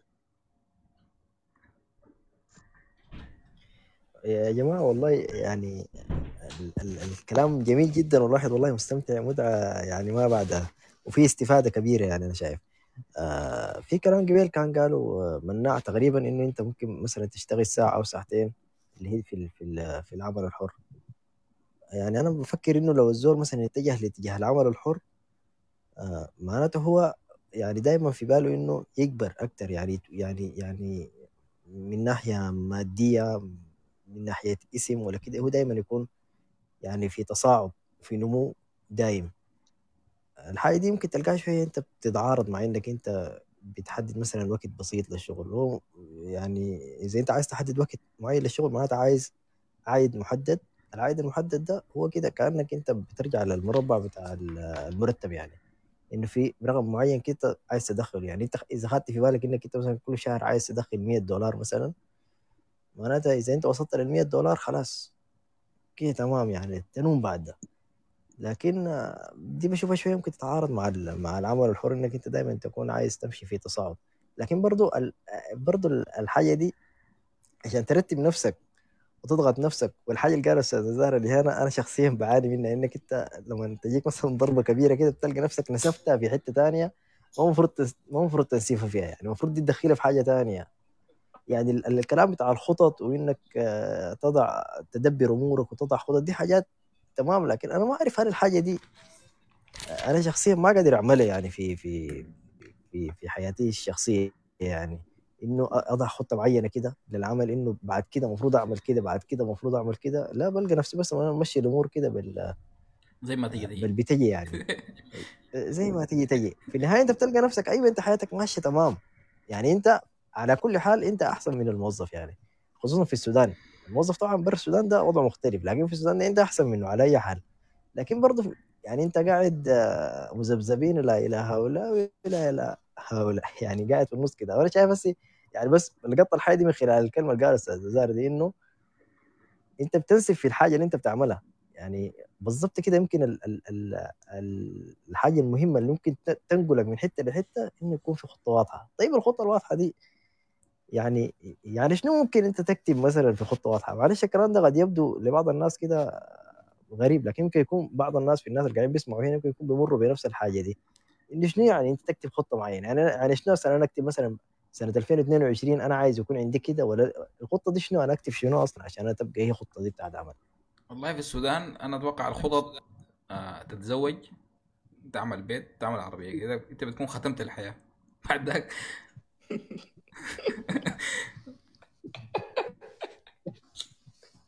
والله يا أخي أنا أنا أديكم برضه عن تجربة شخصية. يعني إحنا طبعا نحن ناس يعني قدامكم في العمر وفي الزواج وفي الحاجات دي.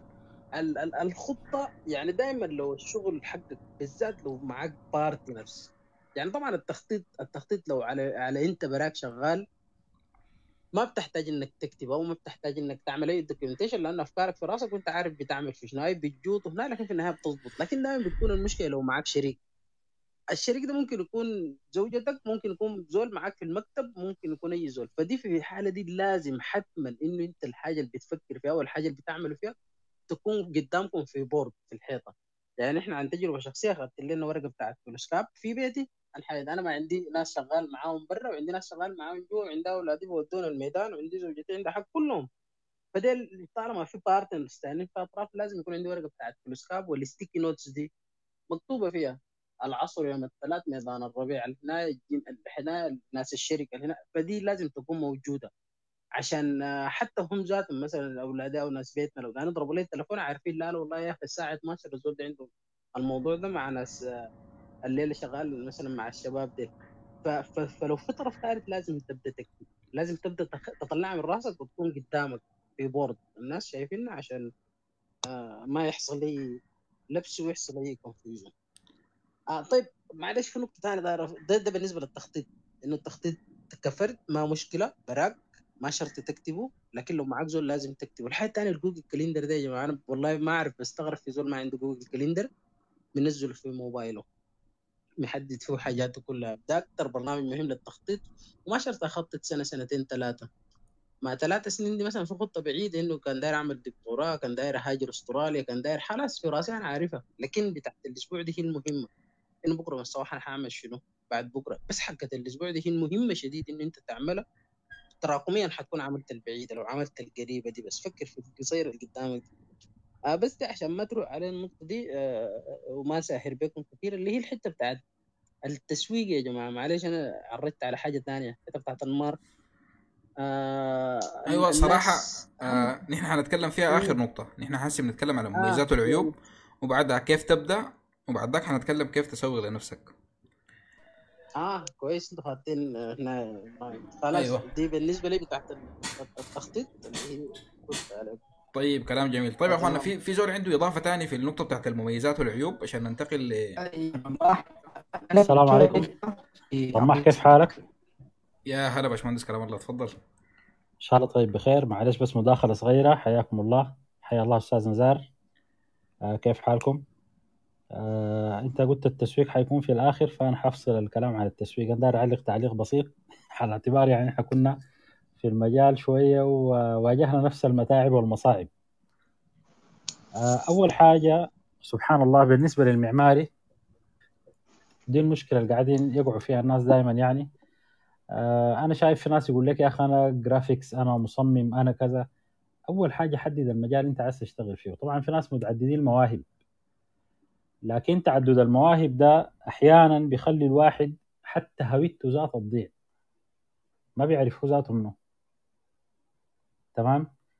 يعني أنا مثلا الآن بستمع لأستاذ المونة فعجبني كلامه جدا. قال إنه أنا أنا عندي مجال محدد مجال التدريب التعليم الكوتشنج الكذا. قال ما بطلع منه. بعكس بيكون عنده هدف مالي يشتغل يوم في المواشي يوم في العملة يوم في كذا. فده لما تيجي تسأله أنت بتاع شنو بيقول لك أنا بتاع كله.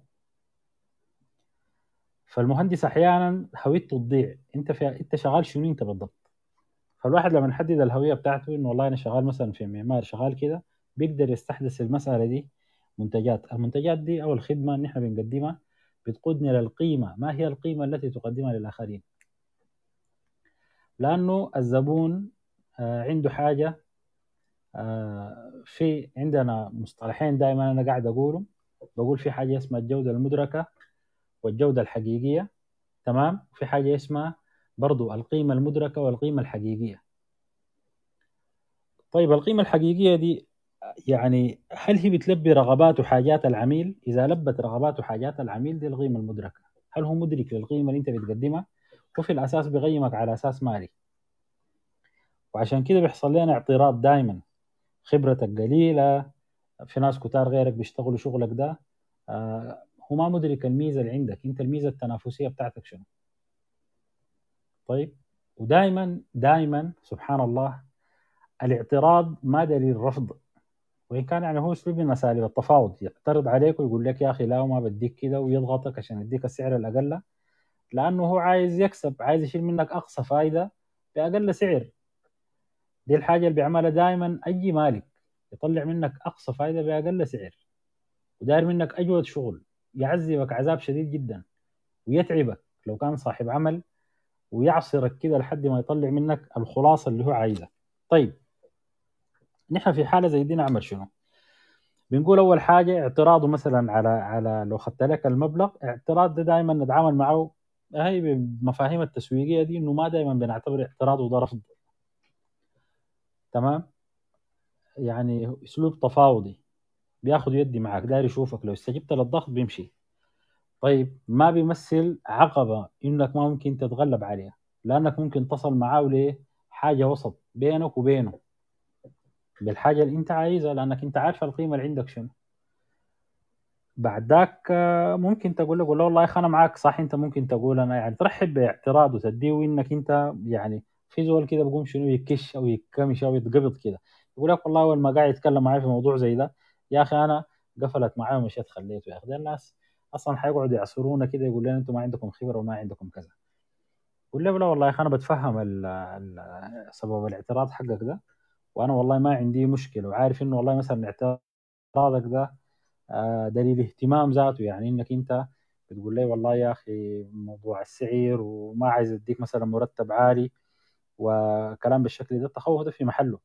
طمنه بس طمنه تطمين طيب وهو داير يسمع منك بيقول لك أنت خريج جديد وري إمكانياتك أنت شنو؟ وري إمكانياتك. عايز منك تطلع له زيادة عايز يطمئن. لو لقاك عادي زي زي باقي الناس اللي في السوق دي لأنه الموجودين في السوق دي الكتار ما بيشتغل بيك. بديك بيقول لك يا أخي والله عندي كده وبمشي وأجيب لي زول غيرك. طيب دي حاجة مهمة تخط يخطها الواحد في باله. بعد ذاك إنه نحن لازم نحترم الكلام ده. لأنه نحن في الأخير نحن مقدمين خدمة. حتى المالك أو صاحب العمل عايز نشتغل معاه ده بنعتبره بالنسبة لنا عميل كاستمر هو ذاته. لأنه إحنا عايزين نقدم له الخدمات بالتالي هو حيدينا مرتب. تمام؟ فخدت إنه والله يا أخي يعني كلامه اللي بيقول فيه ده أديه اهتمام وأديه احترامه يعني أنت لما هو يحس بالكلام ده آه، من ناحية بتاعت شعور كده بيبدأ شنو؟ بيبدأ يلين معك شوية. طيب الحاجة المهمة عندنا قاعدة مهمة جدا بتقول لك لا تقارن التفاح بالتفاح. إذا جبت لي تفاحتين زي بعض أنا طوالي بقعد أعاين وين الكبيرة وين الحمراء وين الكذا وين الكذا عشان أشيل السمحة فيه. طيب أنت إذا إذا أنت نفس الناس اللي قاعدين في السوق بنفس التأهيل وفيهم أحد قد يكون من هو أكفأ منك معناته أنت ضاعت منك الفرصة. طيب بيقول لك هنا شنو؟ بيقول لك إنك أنت لابد يكون عندك ميزة تنافسية. الميزة التنافسية يا إما من الطريقة بتاعت شغلك اللي بتشتغل بها مختلفة قول والله يا أخي أنا بعرف كذا برنامج وبعرف كذا وبعرف كذا وبعرف كذا وبخلص لك شغلك ده في وقت سريع وأنا عندي جودة والطريقة اللي قاعد أشتغل بها أنا مثلا في السوق ما في تمام؟ وأنا سريع يعني ما بأخر الشغل حقي وعندي اهتمام وبقبل أي تعديل يجيبوا لي الناس ما عندي مشكلة ما بقعد أقول لك والله يا أخي شغلك ده تعديلين ثلاثة وثاني ما تجيبوا لي أنا ما مسؤول منه. اكتب لي تعديلاتك في أي وقت فيه تعديل جيبوا لي. الموضوع فليكسبل طيب هل في خدمة في خدمة زي ما بيقولوا ما بعد البيع؟ يعني بعد ما شال منك الخرطة والتصميم بتاعك ده هل أنت بتقدم له خدمة؟ باشمهندس كرم الله مثلا معلش والله الكلام جميل لكن آه يعني إحنا كنا عايزين نمشي بس بال... لا مش بزمن نحن بس يعني حاليا أنا ما... بنتكلم. أنا بتكلم أيوه تفضل. طيب أنا ما عايز شنو؟ أنا عايز أجيبك في حتة بناء بناء الصيغة دي أنت بتبنيها كيف؟ آه طيب نحن حاليا كنا بنتكلم عن المميزات والعيوب وبعدها داير نمشي لكيف تبدأ في في العمل الحر. أتوقع حسي نقاطك دي كلها؟ في في النقطة اللي إحنا كلها في بناء الصيغة وفي في, في الميزة التنافسية في القيمه كلها في في المحور الأول والمحور الثاني ده. لأن أنت إذا تكلمت عن عيوب إنك حتى أنت بتنقطع من كذا انقطاع حتى في العمل الحر بيجيبوا شنو؟ بيجيبوا إنك أنت ما لاقي شغل ما قادر تروج لعملك. تمام؟ أيوه. ما في علاقة بينك وبين عميلك. أنا ب... أنا بذكر لك في حاجات أنا والله النقاط دي سبحان الله كتبتها وأنتوا الآن قاعدين تتكلموا. تمام؟ أيوة. الحاجة الأخيرة وخلينا نختم لك بها دي حاجة يمكن بتهمكم. خلينا من الكلام ده. آه ما نسترسل فيه نقفز لحاجة بعدها. حدد الهدف بتاعك. أنت دار تشتغل في العمل الحر. هل هدفك مال؟ ولا هدفك أنت تبني سمعة؟ يعني تبقى عندك علامة تجارية في السوق؟ ولا أنت الهدف بتاعك يعني مثلا آه تعمر ال portfolio بتاعك أو تزيد الخبرة حقتك مثلا؟ لأنك أنت لما تحدد الهدف بتاعك بتقدر تحشد له كل الموارد بتاعتك. إذا كان هدفك قروش إنك تجيب قروش بس فأنت ما بتركز في أي حاجة بتشتغل أي شغل فيه قروش بتشيله. كثير قليل أنت أنت عايز تجيب لك تعمل كده save money تعمل لك رصيد وتحطه بجنبه إذا كان الهدف بتاعك إنك أنت تعمل سمعة في السوق وكده بتمشي تختار محلات الشغل اللي بيجيب لك سمعة في السوق. طيب؟ إذا كان همك تعمل portfolio حتمشي مثلا تتحمل إنه والله في شغل ما فيه قروش زي ما قال أستاذنا قبل شوية. تمشي تشوف محل ال portfolio بتاعك وين تعمر ال portfolio بتاعك تشتغل مجانا بتاع كده تجهز ال portfolio بتاعك. فدي من الحاجات المهمة. أنت عايز شنو؟ حدد أنت عايز شنو. ففي في نقاط ثانية خلوها أيوه يعني إحنا أتوقع النقطة الثانية دي ممكن تكون فيها نقاطك اللي ذكرتها قبل شوية. طيب أتوقع كده نحن بشكل سريع كده الناس قالت شوية عيوب مع شوية مميزات عشان يعني ما نفتكر إنه العمل الحر مثالي أو في نفس الوقت مليان عيوب. فهو زيه زي الوظيفة لكن بشكل مختلف بس. طيب النقطة الثانية المفروض نتكلم عنها كيف تبدأ العمل الحر؟ وأتوقع الحاجة دي بتختلف من الزول البدأ الكارير بتاعه كعمل حر أو الزول اللي كان موظف وداير ينتقل للعمل الحر. واحدة من الحاجات اللي أنا طوالي بشوفها إنه الناس آه زي ما ذكر آه الأستاذ نزار إنه بتنتقل للعمل الحر بكل التقل بتاعها. يعني براس مال ضخم جدا وبموارد كبيرة. ده بالنسبة للناس اللي كانوا موظفين. وممكن مثلا يستقيل من وظيفته طوال يبدأ في العمل الحر. بدون ما يدرس السوق ويشوف هل الفكرة بتاعته دي ممكن تنجح ولا لا. ف يعني ونحن عندنا تجارب كثيرة من من الزملاء والناس اللي حوالينا اللي بيكونوا مثلا شغالين وظائف آه وتجي فكرة بتاعت إنه ثلاثة أنفار أربع أنفار يعملوا بيزنس مع بعض وتلقاهم دائما يهتموا ب آه شكل ال business أكثر من الخدمة اللي حيقدموها أو ال business نفسه يعني. يعني يكون مهتمين بإنه يا أخي نشتري أثاث مكتبي ونأجر معارف لك ستة شهور أكثر من اهتمامهم بال business ذاته يبدأ كيف والأفكار الرئيسية بتاعته. ف وبعد تيجي تحصل المشكلة إنه يا أخي بيجوا عندهم إيجار وعندهم أثاث وفكرتهم ما نجحت يبدوا يفكروا في إنه يا أخي تعالنا كيف نبيع على الأساس ده؟ آه وكيف الإيجار بتاعنا ده نعم نخلي زول تاني يخش بدلنا وتبقى في الجوطة دي. أتوقع إذا كان العمل الحر ده أنت براك أو معاك زملاء بيختلف من إنه تكون برضو بادي من الجامعة مباشرة أو عاوز تترك وظيفة وتبدأ عمل حر. أتوقع كل زول فيكم ممكن يكون عنده آه، تجربة أو قصة في في الحتة دي.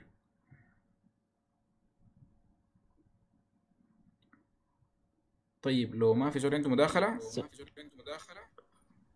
آه أيوه بس كان أيوه. ممكن زول بس يحكي تجربة صغيرة يعني. آه ممكن تكون برضه مرت على ناس كتار أو زول يعني يستفيد منها بشكل أو بآخر. أيوه تفضل آه أيوه أنا في فترة من الفترات كنت شغال موظف يعني في في شركة. لكن مع نفس الوقت بتاع. أنا شغال موظف كنت بشتغل الشغل بتاعي الحر. أنا شغال موظف باخذ مرتب وعندي ساعات دوام معينة. مرات أحيانا أثناء ساعات الدوام إذا ما عندي شغل طبعا لو ليه بتكون لي شغل الشركة طالب إنك تاخذ مرتب فالوقت ده بتاعهم هم مشترينه منك يعني. لكن أنا متفق معاهم انه في وقت ما عندي شغل معين أعمله أنا بشتغل شغلي الخاص. أو إذا الوقت كله ملان بشتغل بعدك بعد ارجع البيت ولا كده. لكن يعني هنا بقلل بقلل الدرجة بتاعت الخطورة يعني. إنك أنت ما بتكون قاعد في الهواء كده ده واقف على شغلك الحر اللي أنت لسه ما معروف فيه حاجة. فكنت شغال في الوظيفة وشغال في العمل الحر. وبحاول كل شوية يعني يعني استراتيجية كده قاعد امشي امشي عليها يعني. حتى الآن قاعد أعملها في شغل معين كده إنه بسحب من هنا شوية وبضيف من هنا شوية. يعني بسحب شوية من الوظيفة بقلل شوية من ال... يعني هو مع مع زب مع مع المدير بتاع الشركة ذاته أنا متفق معاه إنه بقلل شوية في المهام بتاعتي لحد إنه في فترة بعد كده أنا أنا حستغيل ممكن زول بتبدأ تفتش زول تاني بحلاتي وأنا ببدأ بقلل المهام شوية وبزيد المجهود بتاعي في الشغل الحر. كده يعني بلقى نفسي مشيت تدريجيا. ما مرة واحدة يعني إنك أنت شغال موظف مرة واحدة كده طلعت طوالي كده مباشره للعمل العمل الحر وأنت لسه بالسوق ما معروف ولا عندك أي اسم ولا أي حاجة كده. دي ممكن يعني تجربه الزول ممكن يستفيد منها. آه ده, ده التعليق اللي أنا كنت عايز أقوله لمناع لما قال الشغل الحر أنت بتشتغل ساعتين. أنا كنت أقول له إنه دي في حالة إنك آه موظف أصلا وعاوز تشتغل شغل حر كنوع من الانتقال التدريجي للشغل الحر يعني. آه دائما الواحد لما يكون تفضل يا مناع تقول حاجة؟ آه أنا أنا ما ما قلت إنه إنت لازم تشتغل ساعتين قصدي إنه في يدك ساعتين أو الوقت كله. أو مرات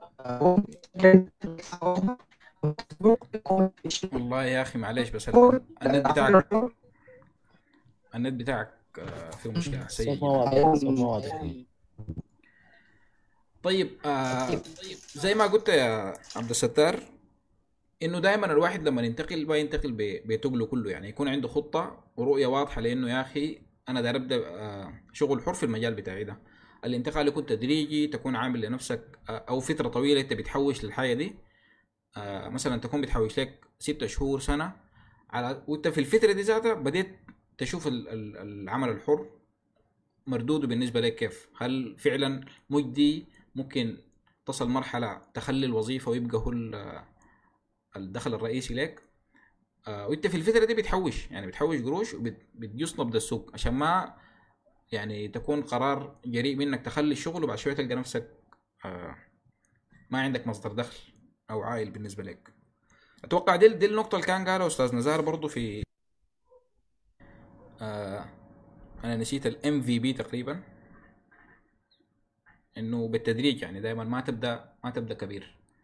والمثل اللي ضربته بتاع الناس اللي بدوا شركة وتفكيرهم كان في الأساس وكده أتوقع القصة دي مكررة شديد يعني. معظم الناس بيكونوا آه يعني خريجين من الجامعة طوالي عاوز يبدوا. حتى نحن بيكون ب scale أبسط من كده التفكير بتاع إنه تعمل لك مطبعة يطبعوا فيها المعماريين وبرضه يبدوا بيتقولهم كله يعني. يسلفوا قروش يبيعوا حاجاتهم عشان يبدوا في ال business بتاعهم. آه طبعا البداية بالنسبة للخريج نحن زي ما ذكرنا في في الحلقات اللي فاتت الأساس بالنسبة لنا إنه تأهل نفسك. وكل واحد من المجالات اللي اتكلمنا فيها المسارات الوظيفية اللي ممكن تشتغل فيها سواء شغل حر أو وظيفة عنده طريقة تأهيل معينة. يعني في حاجات بتتطلب إنه تحتك ب... بناس وتكتسب منهم خبرة وفي مجالات ممكن تبدأ طوالي بتعلم ذاتي وكده. فحسب المجال اللي أنت اخترت تشتغل فيه شغل حر حتختار الطريقة اللي تبدأ به يعني أتوقع دي كده آه باشمهندس آه، كرم الله كان عندك كلام في النقطة دي كيف تبدأ في العمل الحر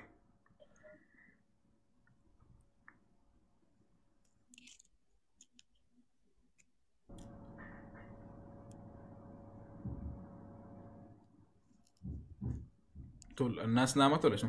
الناس آه، أما طيب آه، كده صوتي كويس؟ أيوه مهندس اشرف آه، ممكن تدخل. طيب معلش آه اللي عايز أقوله كنت يكون عندك ميزة تنافسية. طيب يعني أنت الليلة حتى لو كنت بادي جديد أنت شنو اللي بيميزك عن غيرك؟ بعدين بيختلف وضعك من إنك أنت مثلا في ناس في ناس ال shifters ديل يعني الواحد منهم في الجامعة شغله كده ما شاء الله مميز و...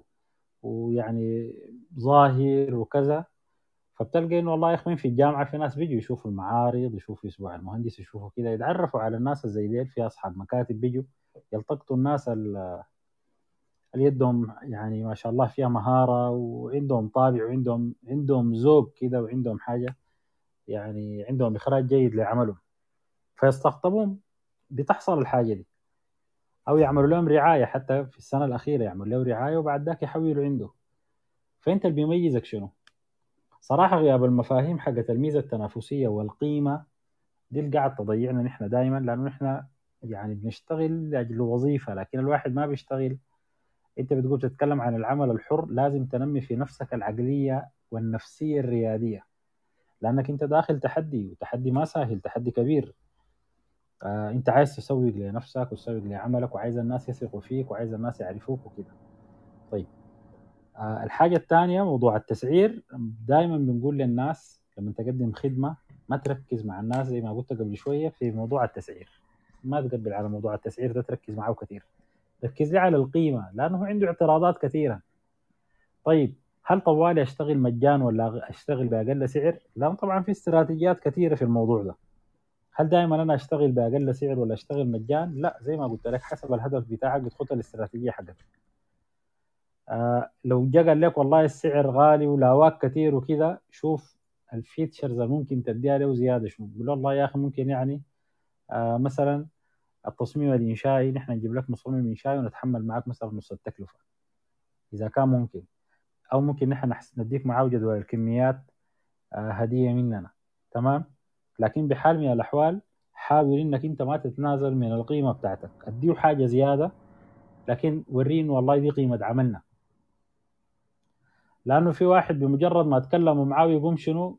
ياخذ له خمشة كده من فوق ينزل بمبلغ كبير جدا ويجي يتضايق بعدين يقول لك والله لا ما تتضايق. وري العميل ده إنه والله يا أخي دي القيمة حقت شغلنا. يقول لك والله ما في مشكلة أنت شوف السوق وقارنه بالحاجة اللي وريناك ليها وتعال لنا تاني. انت نقلت الصراع لملعب العميل. دائما الثقة دي لو ما يحس إنك انت حتى واثق في نفسك ما بيتعامل معك. لأنه عنده خوف. فموضوع التسعير ده فيه كلام كثير. تمام؟ برضو على حسب الجهة اللي انت بتشتغل معاه. أحيانا يجيك واحد يقول لك يا أخي والله بشتغل معاك بالأقساط. هل انت بتتحمل مخاطرة زي دي؟ هل بتتحمل مخاطرة زي دي؟ إنك أنت يشتغل معك بالأقساط يديك كذا وبعد شهر كذا وبعد كذا الضمانات بتاعتك شنو؟ يعني الواحد سبحان الله يخط يخط الكلام ده كله قدامه ويقعد يعاين أنا ميزتي التنافسيه شنو؟ أنا إذا جبت لي ثلاثة معماريين الآن قعدتهم قدامي وقلت لكم يلا كل واحد يشتغل لي نفس اللوحة دي بنفس المتطلبات بنفس المواصفات بنفس كذا طلعوا لي الخرطة دي أنت اللي بيميزك عن الباقيين ديل شنو؟ لابد يكون عندك ميزة تنافسية تكون عارفة في نفسك تنميها عشان تقدر تديها للناس. أحيانا قد يكون واحد يده سريعة في مكتب عنده شغل مضغوط وضاغط شديد يكون عايز ينجز سرعة طيب دي كلها أشياء. في حاجات أنت كنت حتجوا عنها آه مثلا تعمل لك خطة تسويقية خلونا منها. طيب آه تعمل لك أسعار تنافسية أقل من السوق بحاجة بسيطة أو أعلى من السوق بحاجة بسيطة. عشان تدي لشغلك قيمة. تمام؟ الحاجة الثالثة إنك أنت بدل ما تدخل في السوق وش كده اشتغل حاول اشتغل part time في بعض المكاتب. يعني أمشي لك لثلاث أربع مكاتب قول لهم والله يا أخي أنا ممكن أشتغل معاكم بالقطعة by job إذا عندكم شغل باصوي أنا بشتغله لكم ده في فترتك الأولى. ليه؟ خليهم دائما لما يكون عندهم شغل ضاغط يجوك. الحاجة دي تقدر تعبي بها ال portfolio بتاعك أول حاجة تكسب بها خبرة بتقول أنا اشتغلت مع الجماعة الفلانيين ديل وإذا قدرت كمان تتفق معاهم اتفاق كده إنه مثلا يدوك زي شهادة خبرة أو حاجة زي دي الحاجات اللي اشتغلتها معاهم والمشاريع اللي اشتغلتها معاهم يبقى يا سلام تكون كسبت لك ثلاث أربع شهادات من كم مكتب. في نفس الوقت أنت اتصرفت ما كنت واقف أمورك ماشية وال portfolio بتاعك أهو. نزلت لك فيلا فيلتين ثلاثة مشروع مشروعين ثلاثة خطيتهم عندك التصاميم بتاعتك. فإذا جيتوا في التسويق إن شاء الله هنتكلم عن التسويق لكن الهدف الأول مهم وضروري حدد هدفك. عايز أنت مال عايز قروش ولا عايز تعمل سمعة ولا عايز تكسب خبرة وتعبي ال portfolio بتاعك. لأنه الثلاثه أهداف دي كل واحد منا عنده استراتيجية ممكن تشتغل عليها يعني لوحدها. وبتوريك انت تبدا كيف وتمشي كيف وتبني كل الشغل حقك. في واحدة بتصل لحد معين بتقوم بتقلب تشتغل في في الاستراتيجية اللي بعدها. لكن ضروري جدا تكون من الأول انت محدد الهدف بتاعك شنو. طيب أدي الفرصه لغير إن شاء الله.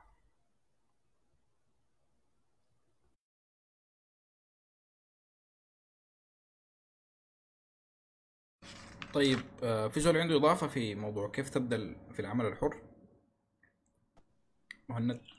آه، أنا زي ما قلت لك آه، موضوع العمل الحر ده بالنسبة لي فيه التزام أخلاقي كبير جدا خاصة في مجالنا نحن يعني. طبعا مجالنا كبير نحن اللي هو كان قلنا التصميم واصهار والتنفيذ. التصميم المعماري وال والتنفيذ بالذات يعني أنا بشوف إنه يعني في التزام يعني قدام ربنا وقدام العميل لأنه لو ما كان عندك الخبرة الكافية والخبرة دي ما بت... أنا بشوف يعني ما بتيجي بسهولة إلا أنك في الأول تتوظف أو يعني حتى لو زي ما قال باشمهندس أشرف تشتغل part time منها بتكون أخدت الخبرة حتى في أنك كيف تتعامل مع زباينك بعدين. وشنو البروسيجر اللي بيمر بها المشروع كتصميم أو كتنفيذ. تمام؟ وكيف أنك مثلا تاخد حقك أو كيف أنك آه، تعمل عقد أو طريقة آه، تعامل معينة بحيث أنه يعني بعدين ما يكون في اختلاف مع الزباين في موضوع الدفعيات والحاجات دي. دي ف... ممكن نقول إنها من من المهارات اللي أنت بتحتاج لها عشان أيوه تبدأ أيوه. في في العمل الحر. مظبوط.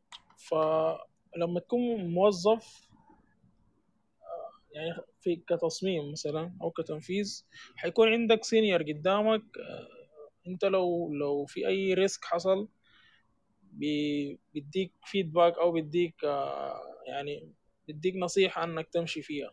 لكن لما أنت تيجي تكون ما عندك الخبرة أنت مجرد إنك اتخرجت جيت يعني ما حتقدر تتصرف صح. أو أو حرفيا ممكن نقول أنت بتتعلم في شغل الناس. ودي حاجة ما صحيحة. فمجال العمل الحر في في شغلنا نحن أنا بشوف محتاج خبرة يعني طبعا الخبرة ما ممكن أحسبها لك بالزمن. يعني ممكن في ناس الحي تتعلمها في سنة في ناس في خمس سنة. دي حسب ال- ال- الشخص اللي حيدخل في المجال ده. لكن في مهارات أساسية مفترض تكون عندك آه، في في المجال ده إنك تكون عارف إنه يعني اقلها إنه تكون عارف البروسيدير بتاع الحاجة اللي أنت هتشتغلها دي كيف حتمشي فيه ونمرة اتنين آه، إنك تتعامل كيف في الريسك وكيف تتعامل مع العملاء بتاعنا. شكرا.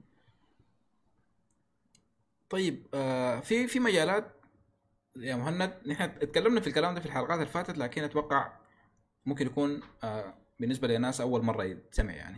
في مجالات ممكن ما تحتاج إنك تنزل فيها وظيفة لأسباب كثيرة أو خلينا نقول إنها ما موجودة في السوق أصلا. يعني واحدة من المجالات مجال الإظهار المعماري. آه أنا حكيت القصة دي أكثر من مرة إنه واحدة من المجالات ال- اللي ما لقيتها أنا في السوق أو في الشركات عشان أنا أمشي أنزل في شركة واكتسب منهم خبرة واتعلم كيف يتعاملوا كان ال- المجال بتاع الإظهار المعماري ده. فكان الاتجاه بتاعي مختلف. بديت أتعلم اونلاين وأشوف الشركات آه يعني في العالم بيت- بيتعاملوا كيف مع المجال ده. وبيبدوا من وين وبينتهوا وين والعملاء بيكونوا منو. فأنا بديت أتعلم من أنا فعليا قاعد أتعلم لكن ما قاعد في شق... في شركة ب يعني physically أنا قاعد بس بشوف من تجارب الناس اللي حواليني. واكتسبت خبرة وبعد ذاك قدرت أبدأ الشغل الحر بتاعي. آه في كل المجالات دي أتوقع موضوع سابقة الاعمال حاجة مهمة أو يكون عندك portfolio من الحاجات المهمة جدا. في كل الاتجاهات دي حتى مجال التنفيذ أنت بيكون آه بتوري الناس إنه يا أخي أنا سابقة اعمال اشتغلت واحد اثنين ثلاثة.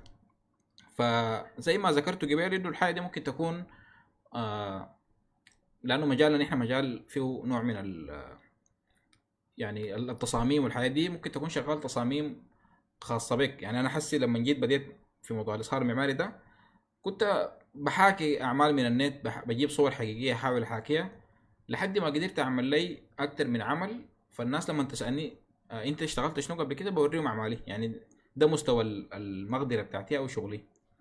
فدي حاجة مهمة جدا. آه وزي ما ذكرت يا مهند في مهارات الزول آه يخطها في الاعتبار أو يحاول ينمي فيها. مهارات إدارية مهارات موضوع القروش وكيف تستلم قروشك و... وما تنفق منها كتير وكده. آه انت حتكون شغال في البداية اول ان ون يعني إذا انت بادئ الشغل حقك براك ما معك أي زول حتكون انت اللي بتتفاوض مع العميل وبتقنعه وانت اللي بتسعر شغلك وانت آه، اللي بتقابل العميل. فكل الحاجات دي دي مهارات المفروض تتعلمها. أتوقع بعد كده ممكن نمشي للنقطة ال- ال- اللي قبل الأخيرة الثالثة اللي هي لو ما في زول عنده إضافة هنا آه نقطة كيف تسوق لنفسك؟ والله طيب يا رماح قبل ما نمشي الحتة دي تفضل. آه آه في في يعني زي تساؤل كده آه في قصة ال- في كيف إنك يعني ت- تبدأ شغلك الحر؟ مثلا سواء كان في مجال الإظهار أو مجال التصميم أو مجال التنفيذ. يعني أول ما أول ما يك- أول ما يجينا يعني السؤال بتاع مثلا ال- ال- العمل الحر أغلبية المعماريين بالذات بيفتكروا إنه العمل الحر هو يعني الشغل في مجال الأونلاين يعني. يعني ده يمكن أقرب حاجة ب- بن- بنتبادر لها إحنا.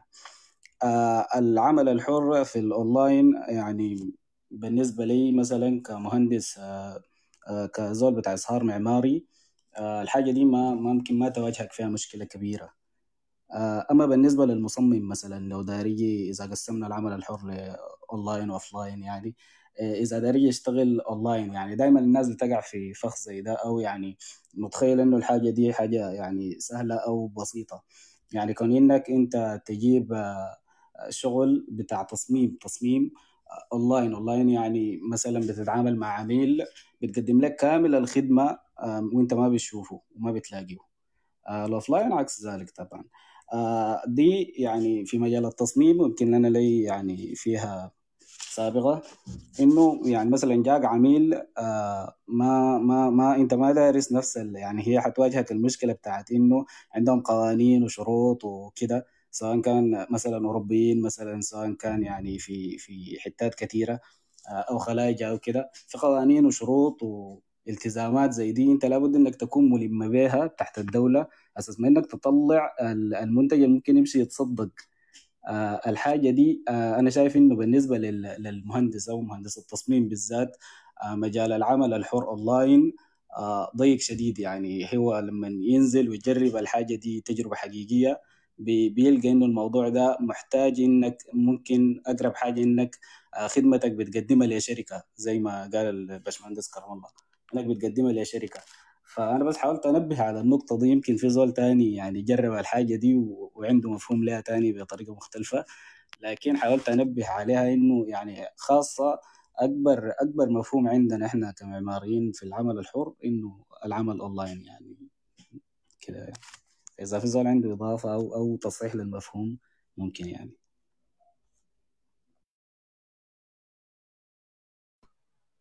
أيوه فعلا. خاصة شغل التصميم زي ما أنت قلت يعني كل دولة أو كل منطقة بيكون عندهم ال عندهم ال- القوانين وعندهم الريجوليشنز اللي بتنظم ال- بتنظم الت- ال- ال- ال- البناء. فموضوع الاونلاين بالظبط. عندنا بالنسبة لنا صعب شوية نحن فإذا ما في زول عنده مداخلة تانية في الحتة دي ممكن نمشي لموضوع التسويق. إنك كيف تسوق لنفسك في العمل الحر.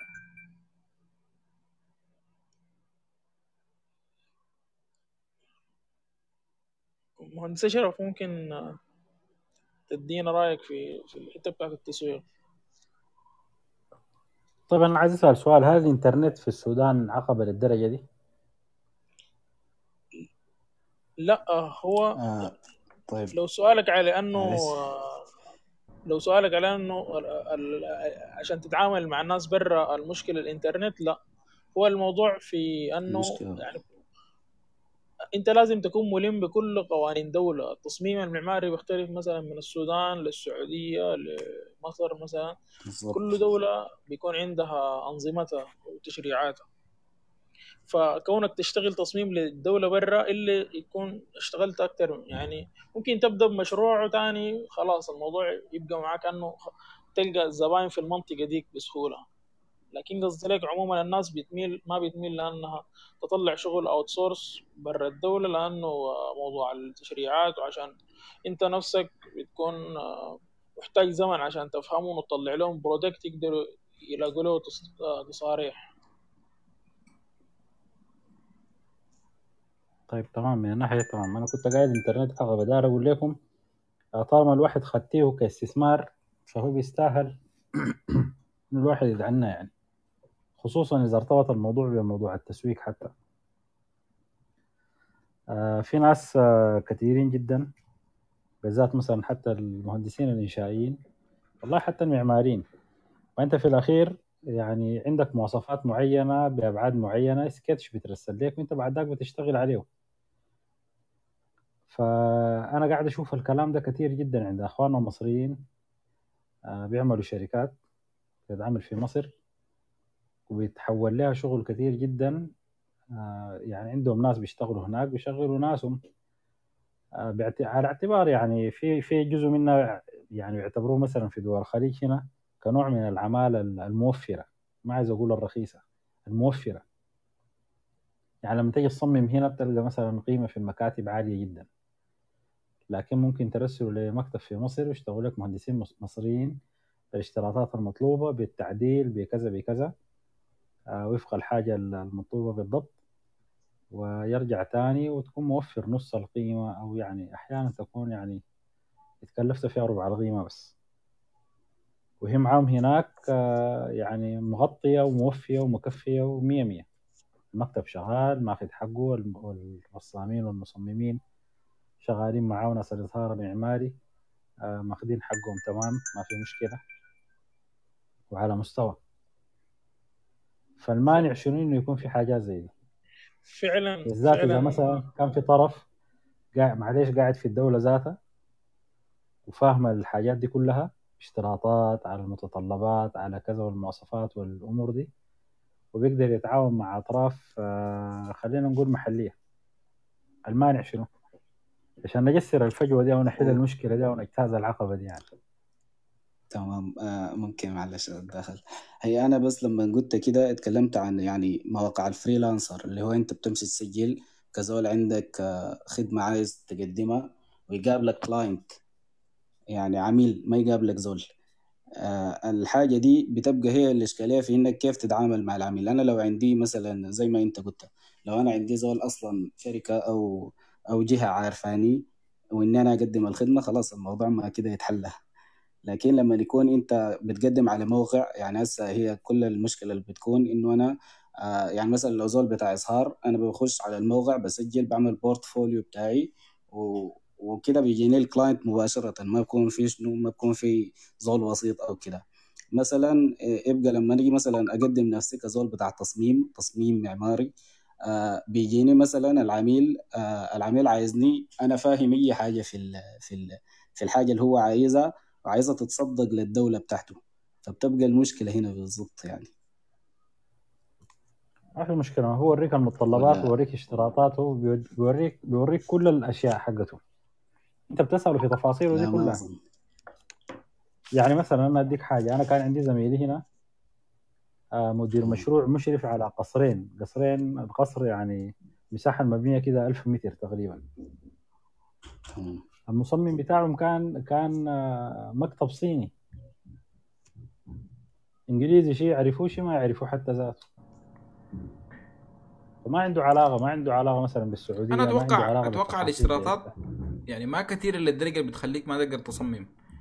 لأنه هي في النهاية أيوة أنت يعني لما تمشي دولة يعني بتعرفها في في الشهور الأولى لك وخلاص بتكون بعد كده قادر تشتغل حسب ال... القوانين بتاعتهم. يعني ده ما التصميم نفسه زي ما يعني ما من الص- ما من برضو الصعوبة ما من الصعوبة أظن لكن بز- ممكن يكون في الأشكال في التفاصيل في الزخارف آه، في حاجات معينة يعني الفنيات طيب يا آه جماعة لا معلش معلش دقيقة. آه شايف إنه كانه بس. النقاش كانه النقاش يعني انحصر في حتة إنه الشغل ما بين السودان والخارج. وهي النقطة تقريبا عن التسويق. أيوه أيوه صح. العمل الحر. أيوه أيوه صح. ونحن باقي طيب. لنا 10 دقائق ونتم ساعتين. عشان كده نحاول نخلي طيب. كلام ن- on point نتكلم عن التسويق. التسويق التسويق عموما أنا ما عايز أشيل الفرص لكن بس مداخلة آه، دقيقتين إن شاء الله وأوقف على كده. التسويق عموما بيعتمد على شنو؟ بيعتمد على ال four Ps. آه ال P الأولى ال product بتاعنا تمام؟ واللي هي الخدمة والمنتج حقنا اللي إحنا حنقدمه للناس. حنصممها كيف حنقدمها لهم كيف القيمة بتاعتها شنو بتحل لهم شنو من المشاكل. بعد ذاك ال place بتاعنا إحنا حنقدمها وين؟ لأنه المكان ضروري ومهم. المكان بيعني المكان انت حتعرض فيه وزباينك دي قاعدين وين؟ قاعدين في انترنت قاعدين في مجتمع معين. آه لازم تعرف انت تعرض ال- السلعة والمنتج بتاعك أو الخدمة بتاعتك وين. الحاجة الثانية أو الثالثة بتعتمد على البرايس على السعر. زي ما قلنا شوف أنت الاستراتيجية حقتك بتاعت التسعير شنو. أنت حتشتغل مع فئة عالية في واحد بيقول لك والله شفت أنا آه، الشغل العادي ده ما بشتغل أنا بشتغل مع ناس مستوى معين هاي كلاس ويعني حتى بكون عندهم منها أهداف مالية وسمعة و وكذا. يقول لك والله مشروع واحد يعني لقدام حتى أربع خمسة شهور لو ما اشتغلت ما عندي مشكلة. بتكون عدلت معك فانت على حسب الفئة بتاعتك والمكان حقك والجودة اللي انت بتقدمها وقيمتك اللي انت بتقدمها بيكون التسعير. في واحد يقول لك والله داير اشتغل مع فئة متوسطة. واحد يقول لك والله يا أخي أنا داير اشتغل بأقل سعر في السوق. فانت الاستراتيجية حقتك بتاعت التسعير شنو بالضبط؟ آخر حاجة ال promotion الترويج حقك حيكون كيف؟ حيكون عندك صفحة على الإنستغرام على الانستغرام على على على ال على الفيسبوك. آه، حتروج انت كيف؟ زي ما قال أستاذنا قبل شوية هل حتمشي 1 1 يعني marketing؟ تمشي تزور الناس في أماكنهم أو المكاتب في أماكنها وتعرض الشغل بتاعك؟ ولا حيكون عندك صفحة على الفيسبوك ولا على الانستغرام؟ ولا حتروج آه، كيف انت في مجموعات حقت التسويق المجموعات المختصة؟ آه، كيف بالضبط؟ يعني مثلا أنا عندي group اسمه اطلب, آه، أطلب أي ملف هندسي. في اليوم بيجيني ما أقل من 15 20 آه، طلب لعرض آه، مثلا من مكاتب وشركات جديدة أو حتى مقاولين عاديين أو حتى مصممين مصممين أشخاص يعني أفراد. إنه أنا أعرض لهم منتجاتهم وأعرض لهم اشيائهم دي. حتى الموضوع يعني بقى مزعج بقى مزعج. جربنا في فترة الكورونا دي إنه نحن نعلن للناس ونساعدهم في إنه يعرضوا منتجاتهم وكده. لقينا إنه الهوية بتاعت المجموعة ضاعت. بقت عبارة عن صفحة بتاعت تسويق فقمنا وقفنا الحكاية دي شوية. بقينا بنستثني في حالات محددة يعني تشجيعية كده. فأنت حتشتغل كيف؟ التسويق بتاعك كيف؟ طيب ليه؟ لأنك أنت بتجي تبني بناء على ذلك بتبني الخطة التسويقية بتاعتك كلها. أنت ذاته حتستهدف ناس جوا البلد ناس برا البلد. الفئة المستهدفة بتاعتك شنو؟ حسب القيمة حقتك القنوات بتاعتك حق التواصل عندك مكتب ما عندك مكتب. في تفاصيل كثيرة أنت بتجي تخطها عشان تجي تعمل لك تعمل الخطة التسويقية بتاعتك. تمام؟ طيب أنا راجل معماري. طيب أنا بتعاون مع من أول حاجة أنا بكلم كل الناس. كل الناس اللي أنا بعرفهم المفروض يكونوا بيعرفوا أنا زول مصمم. في صفحتي المفروض أنا كل فترة أنزل أعمال. أتكلم عن الموضوع ده أتكلم عن المعمار أدي نصايح. لأنه يا جماعة المحتوى هو الملك. أنت لما تكون بتتكلم عن آه، شيء معين في صفحتك الناس بيعرفوك بيه تاني بيبقى في الصورة الذهنية حقتهم فلان ده كذا. أنت بتتكلم عن المعمار الناس بيعرفوا إنك أنت مهندس معماري. بتعمل ضحك وهزار بيعرفوا إنك أنت زول بتاع ضحك وهزار. تمام؟ على حسب الحاجة اللي أنت بتختارها. فالمحتوى حقك اللي انت دار تقدمه شنو؟ ال social media عايز تستخدمها كيف؟ نوعية الاستخدام بتاعها دي من الحاجات الضرورية والأساسية. تمام؟ يعني أنا أنا ما عايز قلت 10 دقائق ما عايز أدخلكم في تفاصيل تعمل الخطة التسويقية ذاتك بتاعتك كيف. خلوها لنا في في فرصة ثانية إن شاء الله. عشان ما ما ناخذ الفرصة وعندنا أستاذنا نزار. آه، معلش يعني نستاذن الليلة نحن أخذنا من حقه كثير. الله يجزيكم خير. يديك العافية يا باشمهندس. آه، أنا بس اكد بس على النقطة الأخيرة اللي كان قالها باشمهندس الله اللي هي آه، يعني الهوية بتاعتك أنت في مواقع التواصل الاجتماعي. صراحة دي حاجة أنا شخصيا لامس نتيجتها. يعني مع إنه أنا بستخدم فيسبوك فقط. وكنت كل ما تتوسع وتشوف ال... يعني إذا أنت مثلا حتقدم خدماتك في السعودية مثلا يعني أنت عندك هدف كده إنك تقدم خدماتك في السعودية هم هناك بيستخدموا تويتر أكتر. فيسبوك ما شغالين به أكتر بعكس مثلا السودان. في ناس عندهم تويتر لكن أكتر في فيسبوك. وأنت لو كان بتنشر في كل الشبكات دي ده, الافضل كده كمان. يعني أنت بتوسع الشغل بتوسع التسويق بتاعك أكتر. آه كونك تب تب تمسك حاجة معينة وتتكلم عنها تتعرف بها دي حاجة ممتازة جدا. كل ما الناس يطلبوا خدمة معينة اللي أنت بتقدمها دي تلقى في كم زول عامل لك تاج في المشهور ده. يعني أنت بتعمل الحاجة دي حتى لو ما لقيت شغل. يعني, حتى لو ما توافقت مع الزول آه، الطالب الخدمة دي دي حاجة كويسة إنه معناته أنت يعني اسمك ده قاعد يترسخ في اذهان الناس بانك أنت بتعمل الشغل ده. في يوم من الأيام الناس زي هم عبارة عن عملاء محتملين.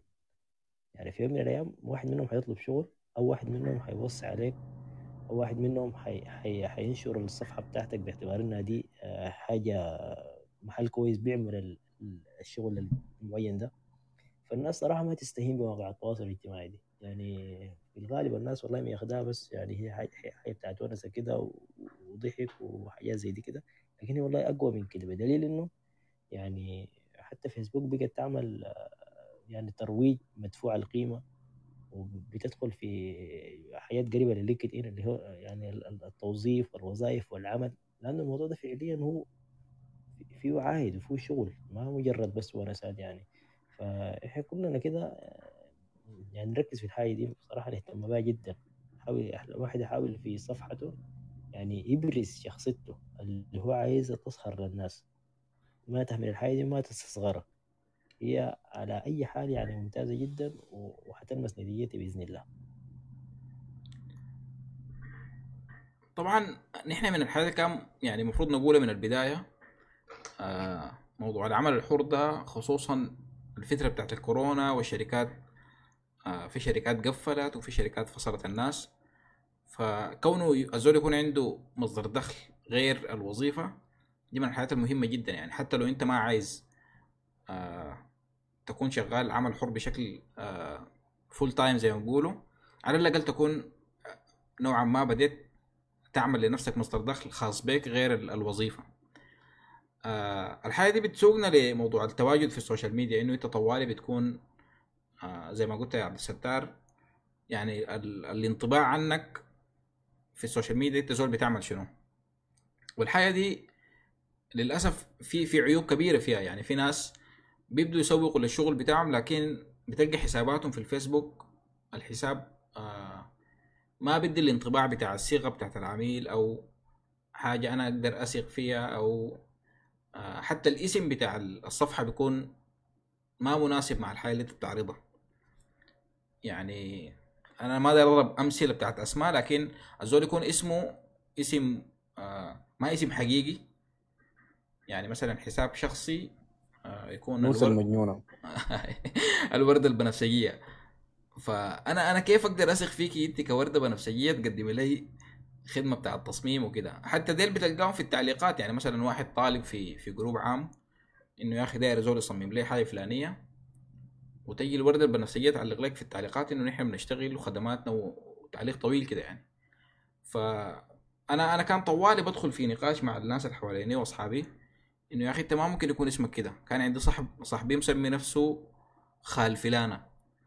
فقلت له يا أخي أيوه يعني أي نعم الحساب ده لو بقى شخصي ما حتدخل فيه شغل مناسب إنه يكون خال فلانة كده اسم ظريف. لكن بما إنه حينتقل لشغل أنا أتوقع المفروض آه اسمك يكون يا اسمك ال ال الرسمي أو يكون عندك صفحة باسمك الرسمي برضو أو باسم آه يعني بتاع الشغل ما, يكون ال ال الأسماء الغير معروفة دي. آه أنا أتوقع كده يا اخوانا إحنا وصلنا لساعتين.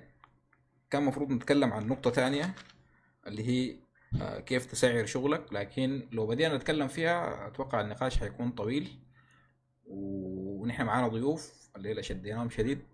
فممكن نكمل إن شاء الله في حلقة جاية آه في نفس موضوع العمل الحر ده.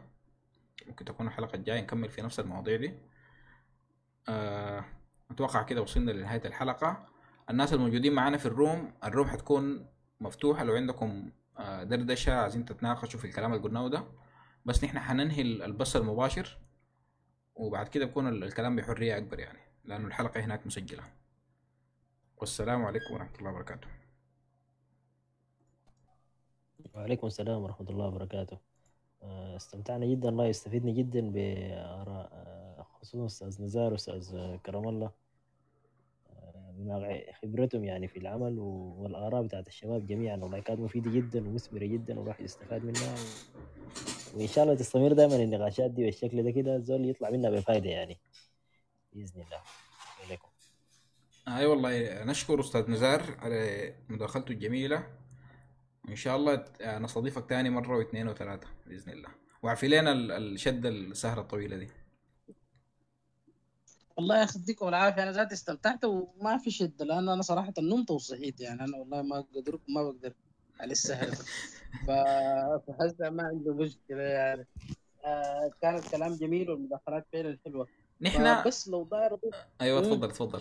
أنا أقول لك عندنا مشكلة بتاع التخطيط لكن تفضل. التخطيط ده والله يا أخي عارف المفروض الناس يقعدوا له عديل يعني بالذات يعني في الحته بتاعت ال project management واضح شديد. واضح أيوه. يعني أنا قصدي حاسس إن إحنا يعني كل حلقة بنكون كاتبين موضوعنا الرئيسي وإنه يا أخي عايزين نجي نغطيه في الحلقة دي. فللأسف مع النقاش والآراء الناس والونسة بنتم ساعتين وبنكون ما غطينا الكلام بتاعنا. أتوقع دي مشكلة تخطيط يعني. المفروض. آه. والله مش تخطيط أكتر يعني ما شاء الله أنت قاعد تدير ال session بطريقة كويسة لكن بس حتة بتاعت expectation زي ما بقولوا يعني لا الحاجات ماشية كويس والناس طالما مستوعب الحاجات والفائده المرجوه قاعدة تتحقق فمعناها الجلسة حققت هدفها. لكن من الأول إنه الموضوع ده أكبر من كده يعني مثلا من الأول كان حتة بس بتاعت اكسبكتيشن يعني التوقعات بس يعني. لكن عموما الموضوع ماشي بشكل كويس يعني ادارتكم له بشكل جميل.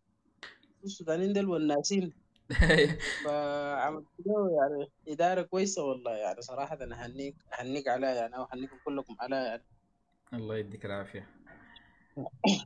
طيب بس كنت اضيف حتة بتاعت الحتة بتاعت التسويق دي يعني أنا أنا مثلا كزول هسه من برا المجال حقكم وقاعد أخش في group بتاع المهندسين السودانيين وعندنا بيتنا دايرين نبنيه و load bearing ولا ما عارف نبنيه.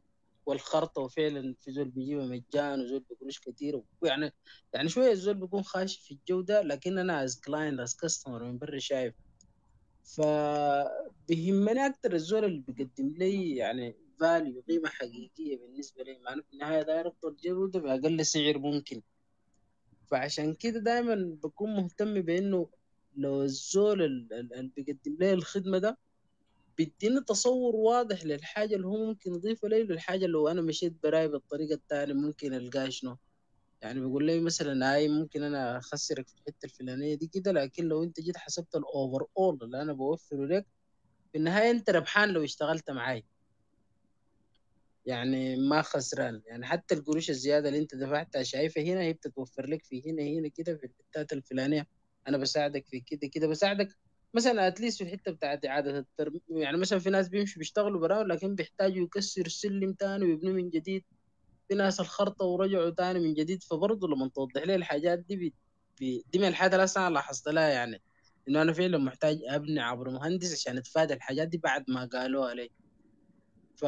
فال value اللي. بتديني لها ال- ال- الشركة هي اللي بتخليني أنا أوافق أشتغل معاهم حتى لو كان السعر عالي. ال- الحتة بتاعنا الدار اضيف الحتة بتاعت التارجت يعني مثلا أنت مستهدف منه.